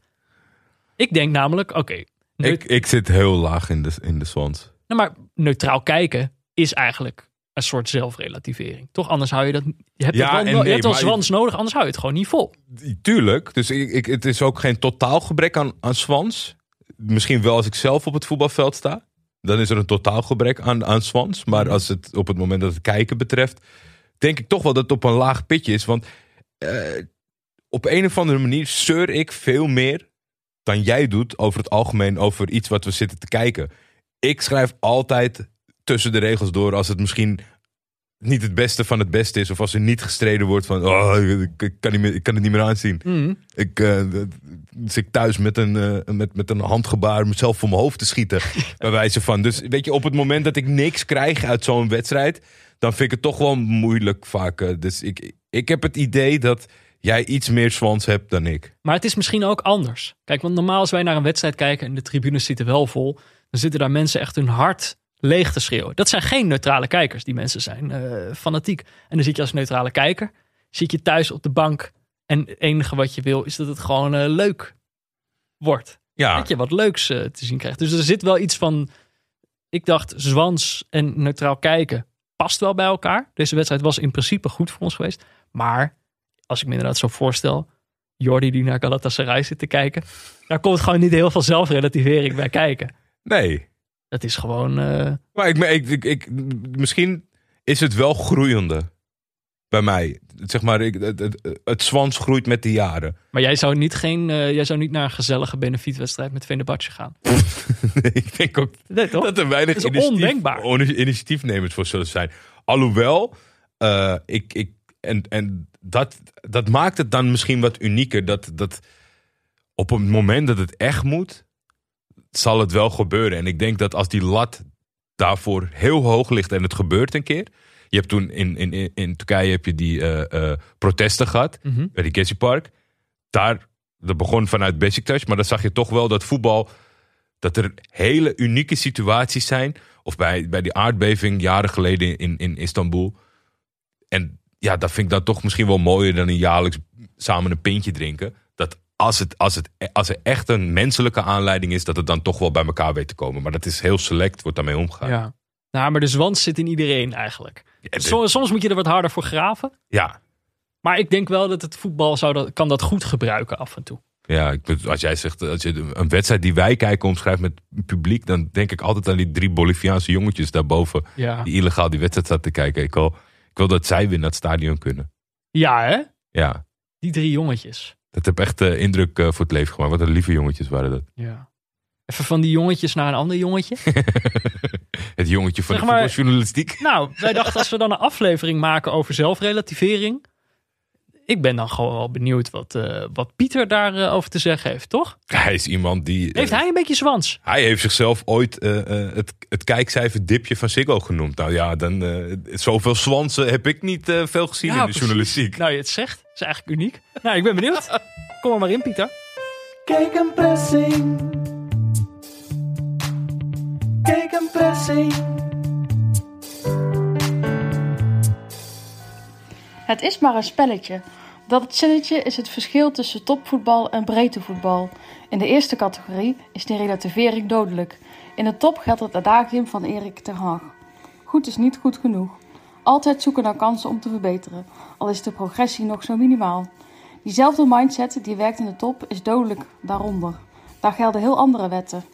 Daar moet voetbal in de eerste plaats plezier zijn. Het samen leuk leuk hebben. Wat vooral bij jeugdteams te vaak vergeten wordt. Daar waar winnen helemaal niet belangrijk is. En een trainer vooral niet moet denken dat hij een Julian Nagelsman is die zijn spelers vol moet proppen met opdrachten. Daar geldt maar één wet. Het is maar een spelletje. Laten we samen lol maken. Kijk een pressing. Kijk een pressing. Oké, verder nog wat leuks. We hadden een mailtje in de mailbox. Dat vond ik nou een leuk mailtje. Beste Jordi, en ik verzin er even Peter bij, want het was geen mailtje, het was een DM. Oh. Als eenzame jogger ploeterend tegen de waterlanderwind eh luisterde ik vandaag naar neutrale kijkers over Atleti Real. Ik DM je niet om te zeuren over vriend van de show-achtige aangelegenheden, want dat doen een heleboel mensen natuurlijk op dit moment. Nou, dat jij bent de helpdesk. dat ze niet helemaal erin komen. Eh, maar volgens mij gaat het nu wel goed. Maar wil het even hebben over jullie gesprek over Jan van Hals. Het is moeilijk uit. Jan van Hals, zijn opmerking. Ja. Als je van voetbal houdt, dan keur je hem af. Jullie deden daar nogal lacherig over. Ik denk dat hij dan op jou bedoelt. want Ik doe nooit lacherig over. Ja, Dus, eh, heel lang. Ik heb hier maar, heel hard eh, over gelachen. Analist Van Hals was niet ver van de waarheid met zijn claim. In de officiële laws of the game van, het, eh, van de IFAB, dat is het oudste eh, reglementenconsortium, Mhm. eh, staat namelijk expliciet vermeld dat de regels weliswaar simpel zijn, maar dat voetbal een subjectieve sport is. Daarom, zo stelt de IFAB, zijn er altijd situaties waartoe de regels geen uitsluitsel geven. En dan zou een scheidsrechter zich moeten afvragen: what would football want? Persoonlijk vind ik deze formulering eh, van grote schoonheid en is het zonde dat deze uitweg niet vaker expliciet door scheidsrechters wordt aangegrepen. Zeer terecht dus dat analist Van Halst de voetbalkijker in de besproken uitzending aan deze passage herinnerde en ronduit betreuringswaardig dat jullie het nodig vonden om dit heldere inzicht zo uitgebreid te ridiculiseren. Ja. Verder vond ik het een leuke uitzending. Groetjes Ja. steun. Nou ja, maar ik wist dit ook gewoon niet. En ik vind het zo grappig dat ik, dat ik er dus ook... eh, want ik ging er inderdaad heel lacherig over doen. Zo van, haha, waarom zou je ooit meewegen... eh, of je van voetbal houdt of niet? Je hebt toch gewoon de regels. Ik, ik had er gewoon geen rekening mee gehouden... dat zoiets in de regels zou kunnen staan. En ik moet zeggen dat ik het met Teun eens ben... dat het geweldig is dat dit in de regels staat. En dat het Oh. vaker gebruikt zou moeten worden. What would football want? Is natuurlijk wel een andere vraag. Of ben ik dan een Of, of ten, als je het afzet tegenover. Als je van voetbal houdt. Nou ja, Wat verlangt, het voet, wat verlangt de sport nu Ja. voor beslissing? Ik weet niet of, of, of ze daarmee liefde bedoelen. Of dat ze gewoon een stukje proberen eh, is ook weer, mag, mag de scheidsrechter ook weer invullen. voetbalgevoel. eh, Ja. Maar ik denk uiteindelijk is iedereen er beter bij gebaat als we er iets meer bewust van zijn dat het vaak interpretatie is. Dat er dus dit soort ruimtes zijn waarbij de scheidsrechter kan besluiten om iets wel Ja, of is- niet te bekeuren. Want er wordt toch altijd gedaan alsof regels zo. gekaderd zijn. Ja, en dan altijd. Ook wij zijn daar natuurlijk weer schuldig aan. Ja, dat we dan ook weer gaan zeiken dat het weer, niet- dat het weer slecht, eh, dat er weer een slechte keuze is gemaakt of zo. Daar doen we allemaal aan mee. Maar dat natuurlijk. eh, het is uiteindelijk gewoon. Het zou een veel beter argument zijn. Eigenlijk heeft die Teun Meurs gewoon gelijk. Jan van Halst heeft het beste argument. Dit zou, dit zou het enige moeten zijn wat telt. Of je, van, of je van voetbal houdt of niet. Dus ik ben eh, 180 graden gedraaid. De, de, de, opiniemaker die is nog niet dood, want die draait ook eh, op deze manier. is ongelooflijk. Maar ik denk dat we er niet verkeerd aan doen om misschien. eh, we hebben altijd van die campagnes in het voetbal, ofwel FIFA, UEFA, KNVB. Mhm. Ik denk dat als de KNVB zelf een mini-campagne opricht, waarin ze gewoon eigenlijk ja, continu de scheidsrechters die we hebben confronteren met alleen maar de vraag: what would football want? ja. Dat we een goede stap maken. Denk je dat dit leuk is voor Nou, de mensen? Want het is ook een beetje. eh, het worden een beetje de, de personality shows, hè? Deze, dit weekend heb ik weer Bas Nijhuis. eh, eh, Bas Nijhuis show. Die ging eh, heel gezellig om met dat die, de confrontatie met Smit, dat hij niet is gekomen en dat soort dingen. Mhm. Maar dan hoor ik weer, zeg maar, van. er is natuurlijk een soort van mega-kritiek op hem en, en zijn beslissingsvormen. Ja. En dan is er een, een clash waarin hij het oneens is met zijn eigen grensrechter en hem overruled op het veld. Mhm. En dan hoor ik hem na de wedstrijd zeggen: hij vond het een overtreding en ik niet.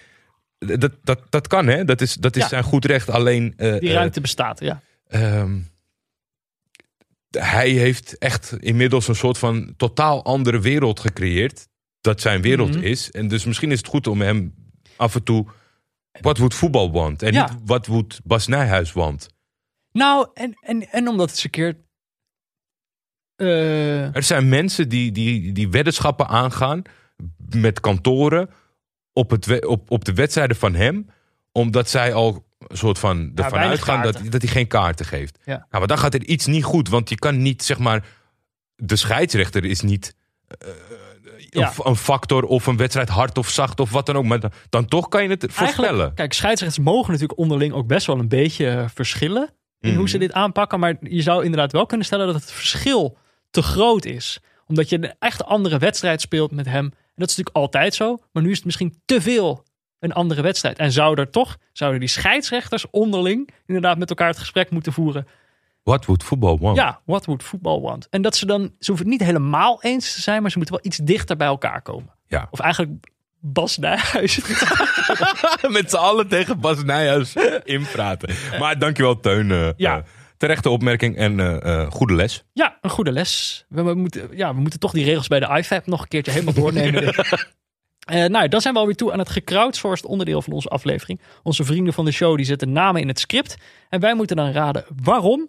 Jordi, er zijn weer 40 namen op de lijst gezet. Heerlijk. Eh, even kijken. Ik, denk, we moeten beginnen. Laten we beginnen met het oudste dingetje. Hebben we dat meteen gehad? Kunnen we naar Juve? Porto. Want het is de Toch? dag. Wij hebben vorige week hebben wij, hebben wij eh, lekker zitten lachen om de, de muurligger. en ik heb toen weer zoiets gezegd van nou, eh, het is volgens mij mode en je hebt hem niet nodig. Een dag later Ik heb wel nodig. maakte Porto de beslissende goal eh, door een lage vrije trap. Waarvan jij ook in die aflevering nog zei van nou, wie neemt hem nog laag?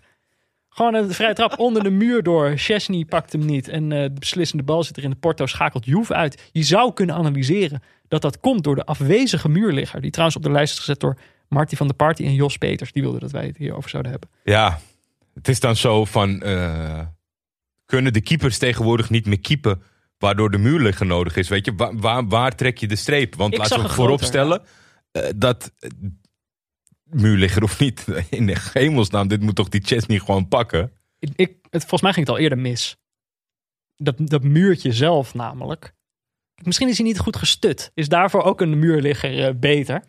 Maar Ja, wat doet, wat doet die Cristiano Ronaldo nou in die muur? Ja, hij, draait, hij draait weg van de bal, waardoor er een enorm gat ontstaat in die muur al. En waardoor hij hem niet ziet, waardoor hij er dus er overheen springt.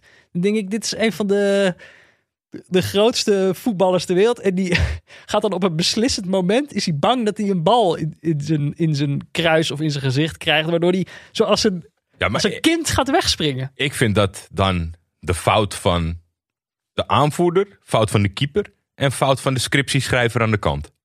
Die drie. Want je gaat. Pierlo bedoel jij? Ja, ja, ja, ja. maar we weten toch met z'n allen. eh, we hebben de reputatie. dat- dat hoeft allemaal niet waar te zijn, omdat we hem allemaal niet persoonlijk kennen. Maar er is een bepaald beeld bij. Het is een wereldster. Het is een jongen die heel erg met zijn uiterlijk bezig Oh, niet is. in een met muurtje zichzelf. zetten, Nee, die Cristiano Ronaldo zet je niet in een muur neer. Wie zet nou Cristiano Ronaldo in een muur? Je zet toch Messi ook niet in de muur? Die is 1,40.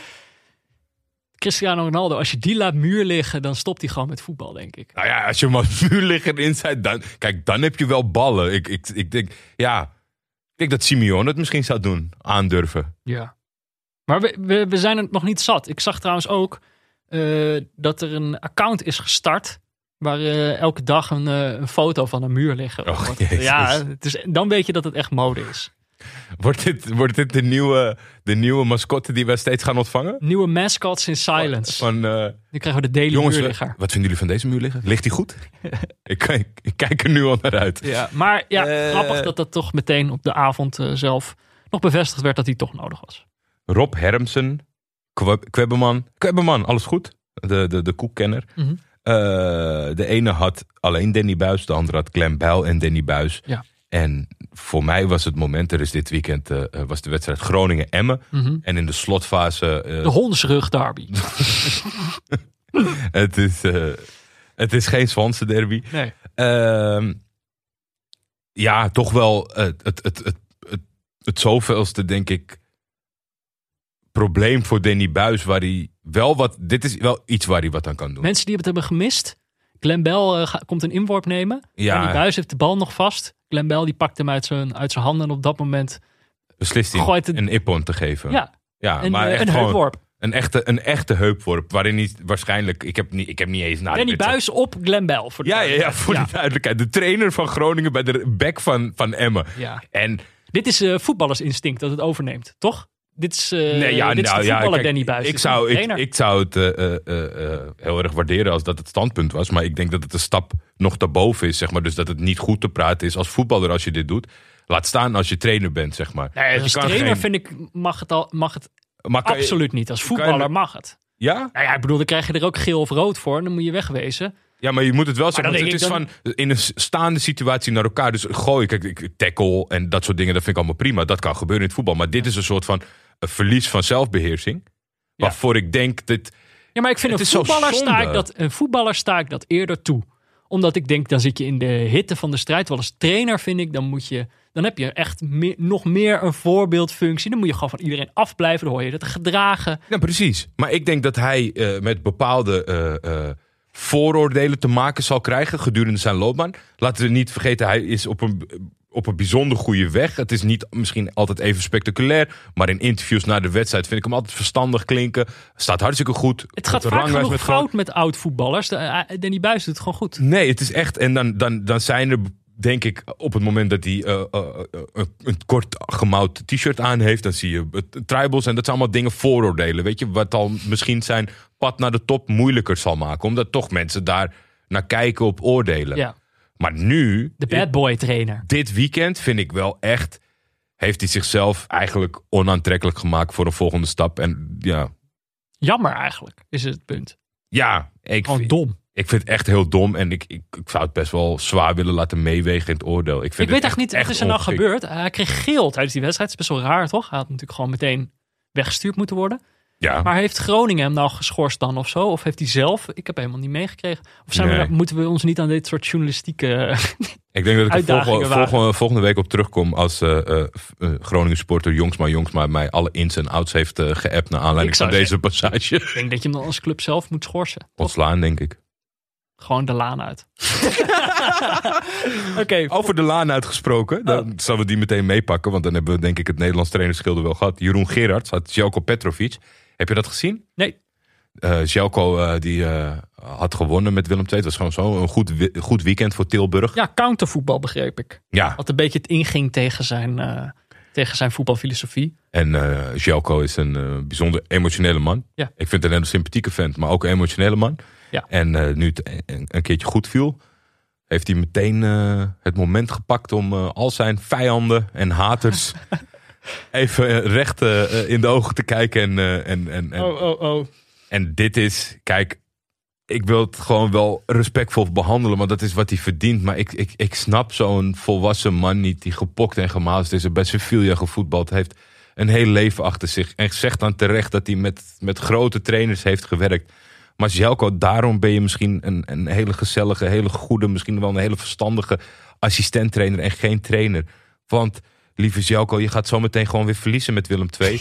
en dan heb iedereen dit interview weer om je mee belachelijk te maken en om Ja. je oren te slaan. Kijk, ik hou niet van het belachelijk maken element. En als zeker niet als, weet je, op het niveau wat in het verleden al is gebeurd. Met, met, die, met die domme voetbalshow, weet je, Joegoslavische babbelaar, dat soort termen. Mhm. En als het dan over zijn accent gaat en zo, dat vind ik echt allemaal heel slap.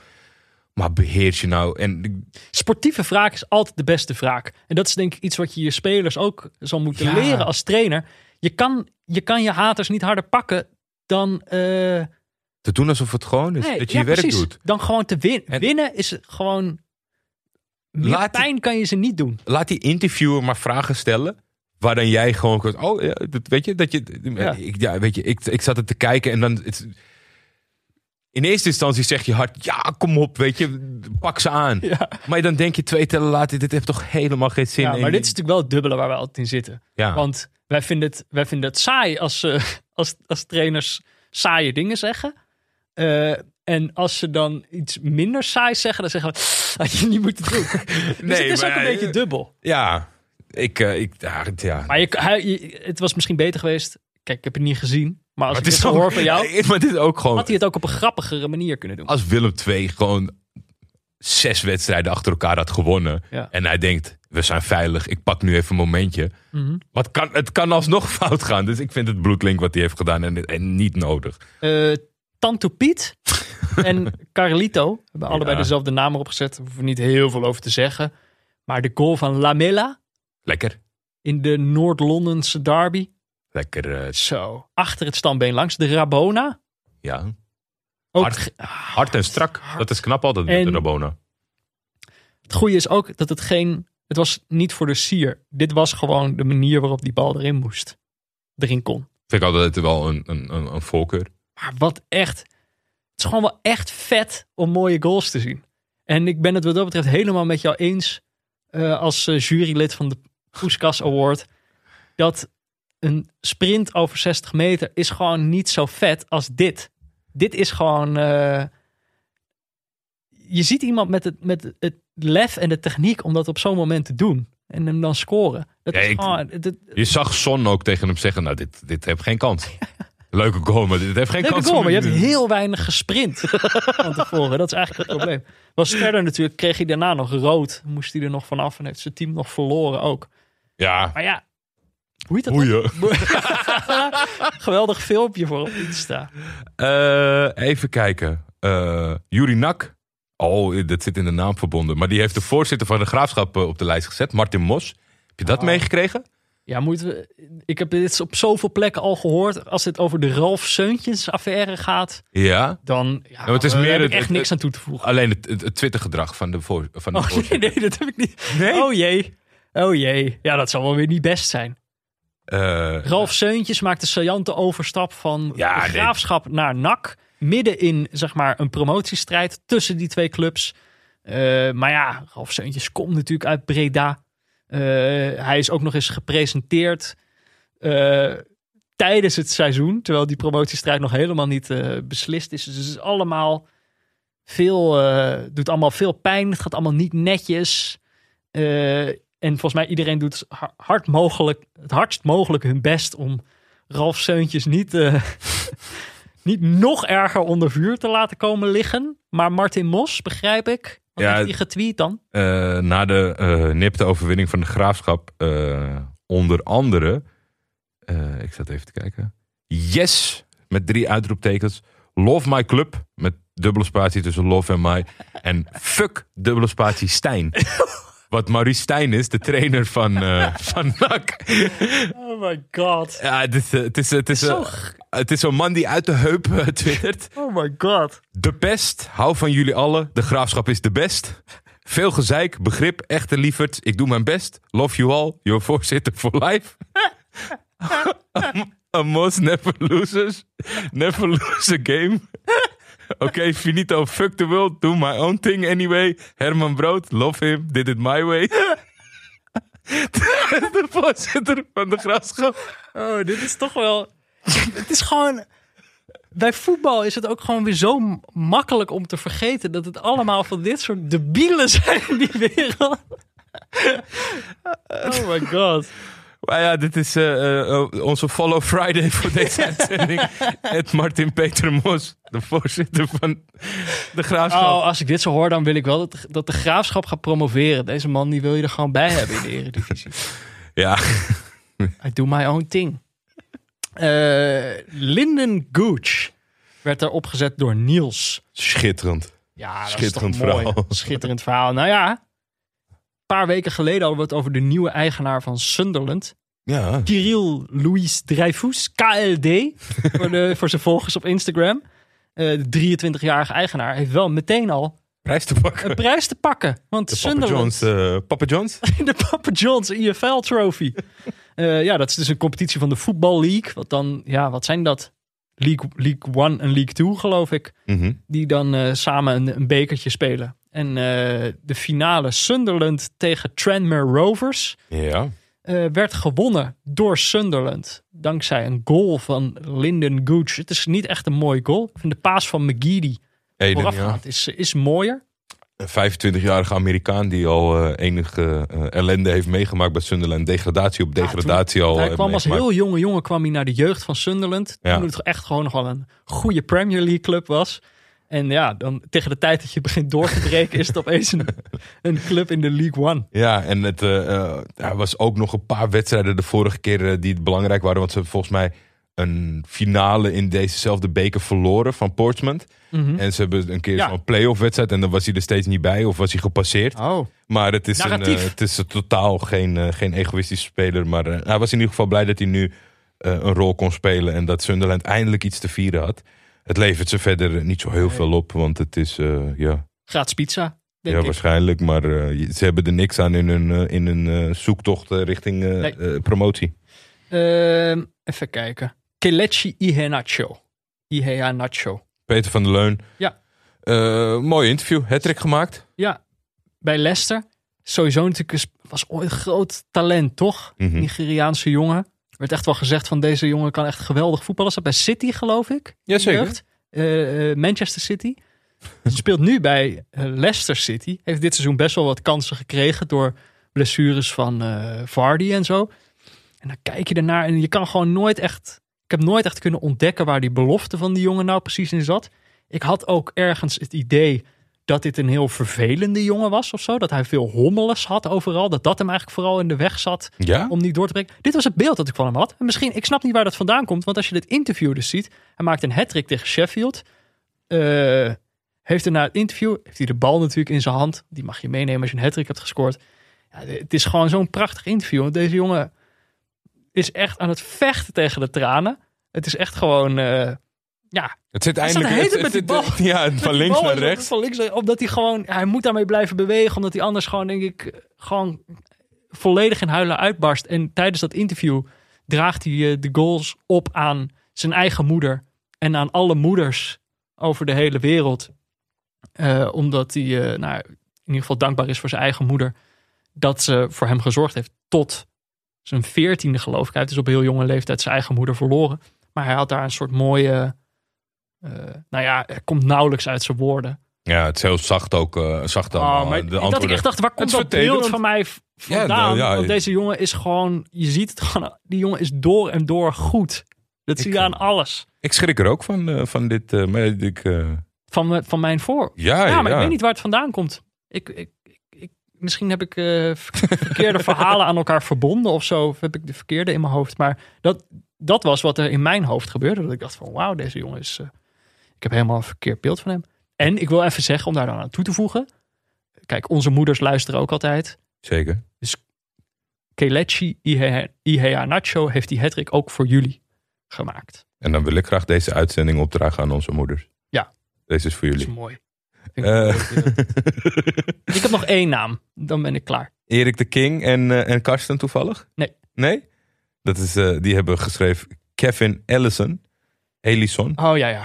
Dat is een, eh, een voetballer tegenwoordig van Newport. Mhm. Die heeft jarenlang bij Moorcamp gespeeld. Mhm. En die twee troffen elkaar dit weekend. En eh, Kevin is inmiddels 42. Gepokt en gemazeld op het niveau. Eh, ervaren jongen. Hartstikke kaal. Scoort niet vaak. En wist tot scoren te komen. Dan denk je, ja, weet je, het is toch altijd... Zal hij juichen of zal hij niet juichen? Het is toch zijn oude werkgever. Ja, het is altijd lastig. Natuurlijk ook voor jou als speler. Wat doe je dan? Ja, nou, eh, eigenlijk deed Kevin iets wat je niet veel ziet. En dat is eh, eh, naar, de, naar, de, naar je oud trainer toe rennen. En keihard in zijn in zijn gezicht schreeuwen. Ja, jezus. Hij maakte de 3-1 en daarmee besliste hij de wedstrijd. En dan denk je, wat een nare man die Kevin. Ja. Maar wat blijkt, die, keep, die trainer van Moorcamp, dat is een nare man. En Die heeft hem afgedankt. Ja. 42 jaar te oud. Je, je kan het niet meer. Je mag niet. En, en weet je, dan denk je van ja, oké, eh, Kevin, je kan ook bij jezelf te raden gaan. Je bent 42. Hè? Je bent een prof, Hoe, hoe, boos, hoe boos kan je worden op zo'n. Maar hij heeft daar heel lang gevoetbald. En dan moest hij, uit- werd hij uit de selectie gezet. Moest hij in zijn eentje trainen. Moest hij, mocht hij niet meer mee met de kleedkamer. Allemaal dat soort pesterijtjes. Ja, en dan denk ik, als je, als je een trainer bent, dan loop je naar zo'n man toe. Zeg je, Kevin, je bent 42, ik heb je niks te bieden. Als je nog wil voetballen, werk ik mee. Laten we dan nu tot een oplossing komen. En dan ga je niet zo iemand die daar jaren heeft gelopen, kleineren. Dus dat was de, de reden dat ik eigenlijk wel team Kevin ben. En het is dus, zo'n Kevin heeft natuurlijk ook weken, jaren misschien wel liggen dromen. Van dit scenario. En dan maak ik de beslissende. Nou, en als dat dan n- 99 van de 100 keer gebeurt dat niet. Dan zit, ge- gebeurt het alleen maar in je dromen. nu gebeurt het echt. Ja, dan heb je jezelf ook niet in de hand, denk ik. Had hem eigenlijk een soort van. Die, die Britten kunnen wel gewoon beleefd schelden. Dat had ik liever in plaats van dat schreeuwen. Ik vond het, nou, dat is, het is Wanker wel- of zo had ik leuker gevonden. Nee, ik vond het wel leuk. Het is echt een soort, het is een soort eh, dierlijk oerkreet. Een oerkreet. Ja. Je hebt zo'n foto. Je moet gewoon maar even op Kevin Allison zoeken.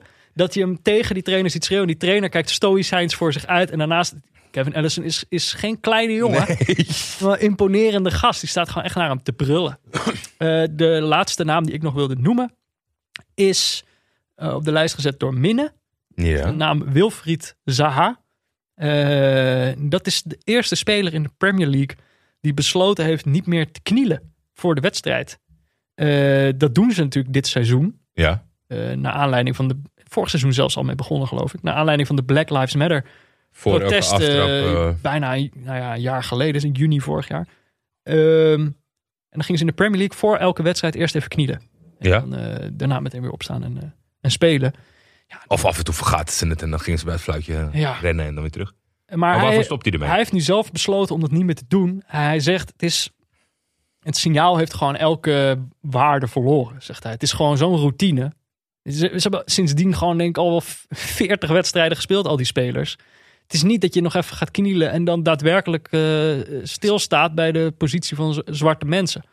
Ik bedoel, ja, het is gewoon oh ja, voor de wedstrijd nog even knielen en dan eh, daarna weer spelen of zo. En uiteindelijk, wat hij doet, je zou, het zou denk ik verkeerd zijn om dat te interpreteren van, oh hij, eh, want ik bedoel, dat, dat vertelt hij er zelf ook meteen bij. Zo van, ja, ik ben natuurlijk nog steeds voor die, die strijd tegen Ja, ja, ja. racisme. Maar ja, inmiddels is in het Engelse voetbal met al die ranzige DM's die die spelers krijgen, is ook wel duidelijk geworden van, ja, met knielen los je het niet op. Zeg. Nee, precies. Er moet wel echt meer gebeuren. En als je dat wil duidelijk maken, als je wil duidelijk maken van ik vind dat er meer moet gebeuren, of ik vind dat er niet, niet genoeg eh, gebeurt of niet op de juiste manier, dat ga je nu niet bereiken door te knielen. Want daar is iedereen al aan gewend. Iedereen ziet het al. Daar wordt, wordt zelfs de grootste racist kan daar volgens mij al niet meer boos om worden na 40 wedstrijden. Dus wat je dan moet doen, is juist niet meer knielen. Ja. En dan trek je de aandacht weer. hey, waarop staan ze? Ja, dus. eh, en ik denk uiteindelijk, ja. Het, is, het, is- het probleem is natuurlijk ook groter dan, dan voetbal. Eh, maar ja, ik, ik vond het eigenlijk wel, eh, wel verfrissend. Eén speler moest het op een gegeven moment gaan doen.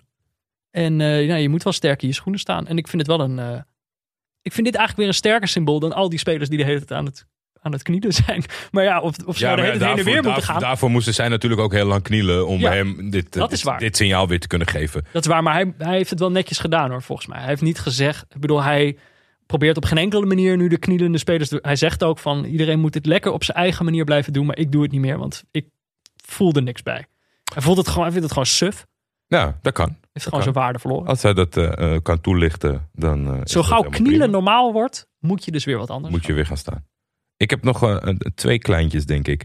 Wamberto, wat doet hij bij, on- bij onze vrienden van de show? Ah, ja. Die heeft Kevin Hofland erop gezet. Die was volgens mij te gast bij Goedemorgen Eredivisie. Heb ik niet kunnen zien. Maar ik kreeg wel het idee dat hij...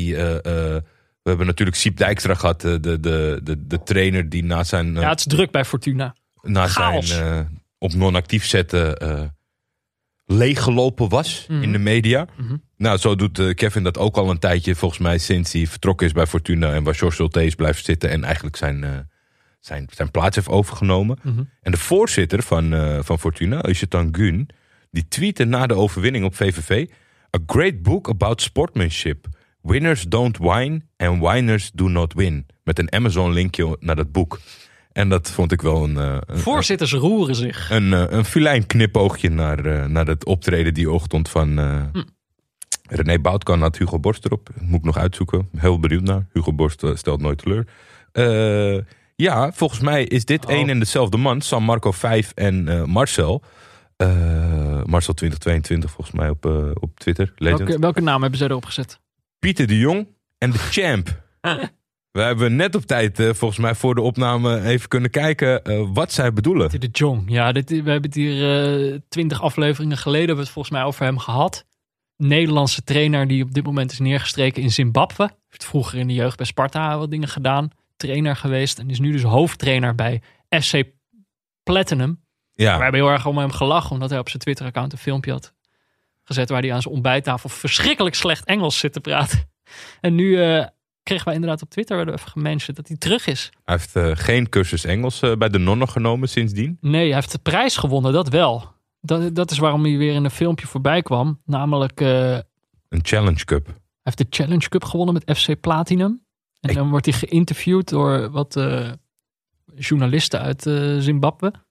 Ik krijg wel een heel klein beetje... Ja, hij gaat niet vriendelijk met ze om. Nee, ik krijg een hele beetje nare Ja, maar dat hadden we dicta- dictatoriale dingen. Eh, Vorige keer zat hij natuurlijk solo aan het ontbijt. Dat gaf, wijn, dat gaf iets minder, iets minder context dan dit keer. eh, wanneer hij eh, wanneer, waarin nu, nu tegenover vijf, zes zwarte journalisten staat. En daar met heel veel eh neerbuigingen. Het is gewoon... Wij hebben gelachen om hoe slecht hij Engels spreekt. En dan gaat hij nu tegen journalisten zeggen dat hij ze niet kan verstaan omdat ze zo slecht Engels spreken. Terwijl ik denk, ja, in het Nederlands. Misschien, ja, Wat een Uh, ik zal deze. Het is een filmpje van twee minuten. We gaan jullie niet daar op dit moment nu mee vervelen. Maar ik zal hem in de show notes zetten. Ja. Dan kan je zelf oordelen wat je van, wat je van Pieter de Jong, show notes deze de week. champ, eh, vindt. Ja, bo- bomvol. Ja, Ik weet niet of dat er wel aan kan. Nou, mocht je dat, ook. eh, eh, dat was het voor mij. Voor mij ook. Mocht je ook een eh, naam op de namenlijst willen zetten, dan kan dat natuurlijk via vriendvandeshow.nl slash neutrale kijkers. Daar kan je de podcast ook steunen. En als je een abonnementje neemt, dus eh, dan moet je dat even aanvinken. Dan krijg je ook toegang tot onze bonusafleveringen. We hebben er weer een paar bij sinds vorige week. Heel even kijken, wie zijn er? Vanaf waar moet ik nou even kijken? Doe ik nog even een tussendoor een, Oh. een, een, mededeling met betrekking tot de namenlijst. Beste luisteraar, als je dit luistert en ook onderdeel bent van, eh, van, vrienden, van het vriendentraject en, en namen graag erop plaatsen. Wat ik heel veel merk de laatste weken is dat mensen te laat zijn met namen. Wij nemen maandagmiddag op. Dus laten we zeggen dat eh, na vier uur kunt u geen namen meer doorgeven. Dan Nee. heb ik het over vier uur 's middags. Kijk, ja, je kan de naam wel doorgeven, maar dan kunnen wij ze niet meer lezen. Nee, en een week later gaan we er niet op terugkomen. Dus Nee. we willen graag iedereen eh, bedienen. Timing is key. Zeker, zeker. Eh, de nieuwe vrienden zijn Rens Ramos, Bosje, Arnoud, Super Pieter 12. Kijk, nagaan, er zitten als 11 Super Pieters voor. Daan Klaasenboer en eh, Maro. Welkom eh, vrienden. En jullie vallen met jullie neus in de boter. Tenminste, degene van jullie die eh, een, een, een, een abonnementje hebben afgesloten Ja, op de podcast. Want we krijgen een bonusaflevering deze week. Komende woensdag. begin nu wel een beetje op werk te lijken, Peter. Ja. Ja. Maar deze moet. Ja, Deze moet. Want het is namelijk zo. We hebben, denk ik, aflevering drie van dit seizoen. verslag gedaan van een wedstrijd die niet werd gespeeld. Eh, Juventus-Napoli. ja, er waren andere tijden. Napoli mocht van de GGD uit Napels niet afreizen naar, eh, naar Turijn. En eh, daarom ging die wedstrijd niet door. Nou, er was een heel theater omheen. In hoger beroep is uiteindelijk besloten dat die wedstrijd overgespeeld moet worden. In eerste instantie was het natuurlijk een reglementaire 3-0 overwinning voor Juventus. Maar nou gaat die echt gespeeld worden. Dus nou ja, kijk, eh, we, gaan, eh, we gaan die wedstrijd kijken. Gaan we dus verslag doen van de wedstrijd die eerst niet gespeeld werd en nu wel. En dat wordt een soort korte bonusafleveringetje. Ja. En dat zie je dan vanzelf wel verschijnen ergens op woensdag. Eh, we zullen zien hoe het gaat met de scriptie van, van Pirlo. Of ze dit keer wel een muurligger opstellen. En of Napoli wraak kan nemen voor wat ze geflikt is aan het begin van dit seizoen. Het schijnheilige Juventus. oh, komt, komt Napoli niet? Dat wisten wij niet. Eh, kijk, normaal hebben we dan nog eh, één naampje Ja, op de namenlijst staan. Helemaal onderaan staat altijd Mourinho. Waar we toch iedere week naar kijken. Ik dacht, deze week gewoon een keertje niet. oh, oh. Even niet. Ik vind José moet gewoon even goed in de spiegel kijken. En gewoon even denken wat hij nou eigenlijk eh, wil in dit leven. Maar op dit moment heb ik niet het idee dat, dat het nog loont om iedere week naar hem te kijken. Vind ik gewoon. Ik heb het gevoel dat, ik daar harder voor, dat wij daar harder voor werken dan hij. Het is, eh, het is niet niks. Eh, het zijn natuurlijk eh, geen tropenweken voor José. En nou hoort hij dit. Ik, ik ben benieuwd hoe hij deze oppakt. Het kan hem natuurlijk het, Het moet hem motiveren. het eigenlijk. setje geven. Ja. De goede richting in. Ik hoop. Maar het kan hem ook de put induwen, Peter. Weet wat je doet. Volgende week gaan wij kijken naar, en dit heb jij weken geleden al besloten. Komende zondag 21 maart om 5 uur is er namelijk de strijd tussen de giganten van Casablanca. Absoluut. Wie dat? Tegen Raya. Het heeft verder niks te maken met mijn avontuur met Mokro Mafia betreft. Alleen ja, jaar in, jaar uit eh, zie je de beelden van deze wedstrijd voorbij komen. En dan denk ik, waarom heb ik hem nu erdoor gedrukt? Maar ik denk dat het misschien nog wel mooi, dat het toch wel mooi kan zijn om de essentie van deze wedstrijd eh, samen te ontdekken. Want ik, weet- ik weet zelf eh, nog helemaal niks, eh, behalve dat ik weet dat het lokaal echt een, een titanenstrijd is. Ik weet nog niet wat Marokkaans is voor zwans. Daar moeten we dan nog achter komen. Daar gaan we zeker achter komen. Eh, ik- het, het is een- zo'n affiche dat ik graag op deze manier een keer beter leer kennen. Ik ben benieuwd. Ik verwacht er veel van. Gaan het meemaken. Kijk vooral mee als je dat wil. Nou, dan zijn we er doorheen. Maar voordat we afsluiten, gaan we natuurlijk nog eventjes... eh, nemen we altijd even een kijkje in de lagere divisies van Portugal. hoe het gaat met onze liefdes. ja. Vargim, Ja, die ik- vorige week zeg ik volgens mij ze gaan het zeker redden. En een week later hebben ze het alweer redelijk verpest. ja, moest op bezoek bij de nummer 1. Ja. Storil is natuurlijk ook niet makkelijk. Stonden ze ook al na acht minuten al achter via Jakubu. En daarna blijft het gewoon stil in zo'n wedstrijd. Het probleem is, ze staan nu gewoon laatste. Ja, Met 18 punten staan gelijk met de nummer 1 laatst, FC Porto B.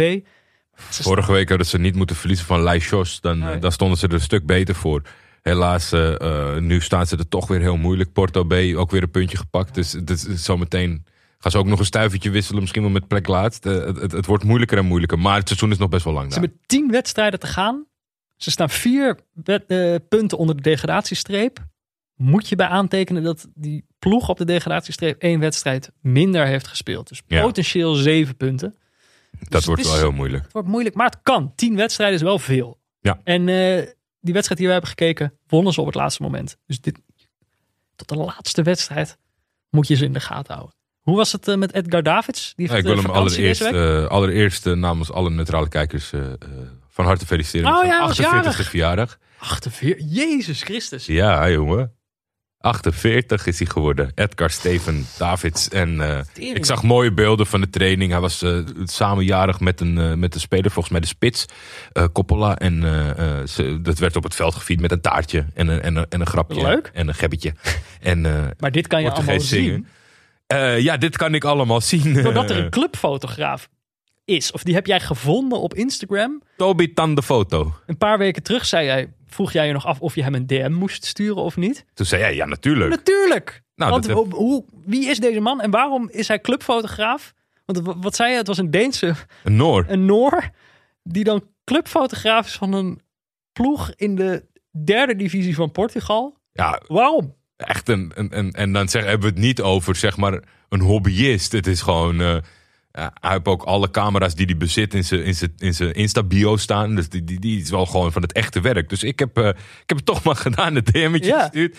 Dat, eh, dat wij ons eh, in deze show, eh, of een aantal vragen hebben. En hij stuurde terug... eh, Hey Jordi, thanks for all the nice words. So I moved to, south, uh, to the south of Portugal about two years ago. And a little over a year ago, I got very interested in sports photography. So I emailed the club and asked for permission to come and photograph a game. They liked the photos and invited me to come to uh, invited me to keep coming. So this year I've been able to be the club photographer. Dus ik denk eigenlijk dat het gewoon hij vanuit zijn ontwikkeling en liefde dat hij een, een kans zocht om zichzelf wat, en dat daarom ook zijn tarief misschien niet zo hoog is. En dat die club heeft gezegd, nou weet je wat, Ja. blijf er gewoon bij hangen. Dus hij reist eh, die, die ploeg overal achteraan. En eh, eh, ja, ik heb me beklag gedaan over de social media afdeling van deze club. Omdat het lijkt me toch niet zo moeilijk om zo'n Twitter accountje bij te houden. heb je al die foto's erbij? Ja, daarom. Maar ze richten zich wel iets meer op Instagram. Daar, daar is het iets Oh ja. levendiger. Oké. Eh, maar dankzij Toby eh, wordt het prachtig in beeld gebracht. En zie ik eh, steeds meer voorbij komen Ik- van Age. Ik zal zijn Instagram-handle ook even in de show notes zetten. Toby Tan de foto. Ja, Maar ik denk dat het ook een wijze les is voor iedereen. Namelijk, hoe is hij clubfotograaf van deze club geworden? Gewoon door een keer naartoe te gaan en foto's te maken. Ik vind, je kan gaan zitten wachten totdat Ojanense jou belt. maar je kan beter Jensen bellen. Ja, nou, ik vind het in die zin wel mooi. Gewoon Ja, die toch? dat gewoon op eigen houtje is gaan doen. Dus, nou ja, inspiratie genoeg in deze aflevering. Eh, dan zijn we er doorheen.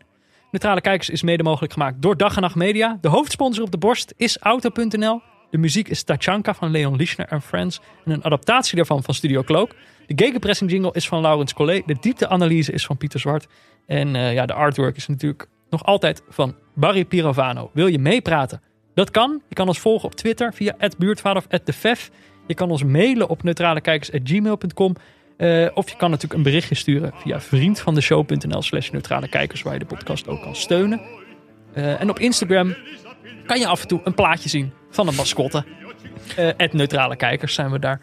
Barry Pirofano was jarig, hè? Gefeliciteerd via Ah. deze weg, Barry. Gefeliciteerd, Barry. Ja, Geweldig.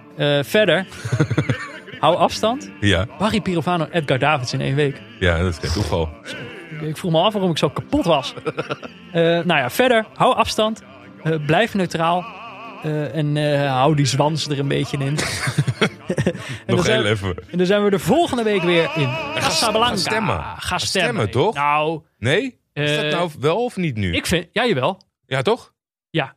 Maar ik ga stemmen. Ga... Ik vind... ah, je mag van mij alleen stemmen. Op ons, hè? Voor de radioring. nee, sorry. Nee, wat, wat, wat vind je?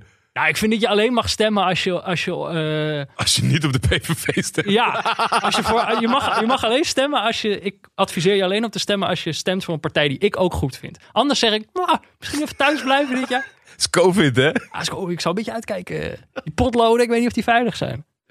Eh, maar goed, eh, Stemadvies voor de mensen? Waar, de- links op een vrouw, duurzaam en voor meer gelijkwaardigheid. Oké. Dan mag je zelf kiezen wat je daaronder vindt, eh, vindt vallen. Wel flink lezen nu nog, als je dit hoort nu waarschijnlijk. of je moet het... Is een flinke wensenlijst. Moeten we, als je drie van de vier hebt, dan eh, kom je al een heel eind. Ehm nou ja, dan zie ik jou in Casablanca volgende week. Tot dan. Tot dan.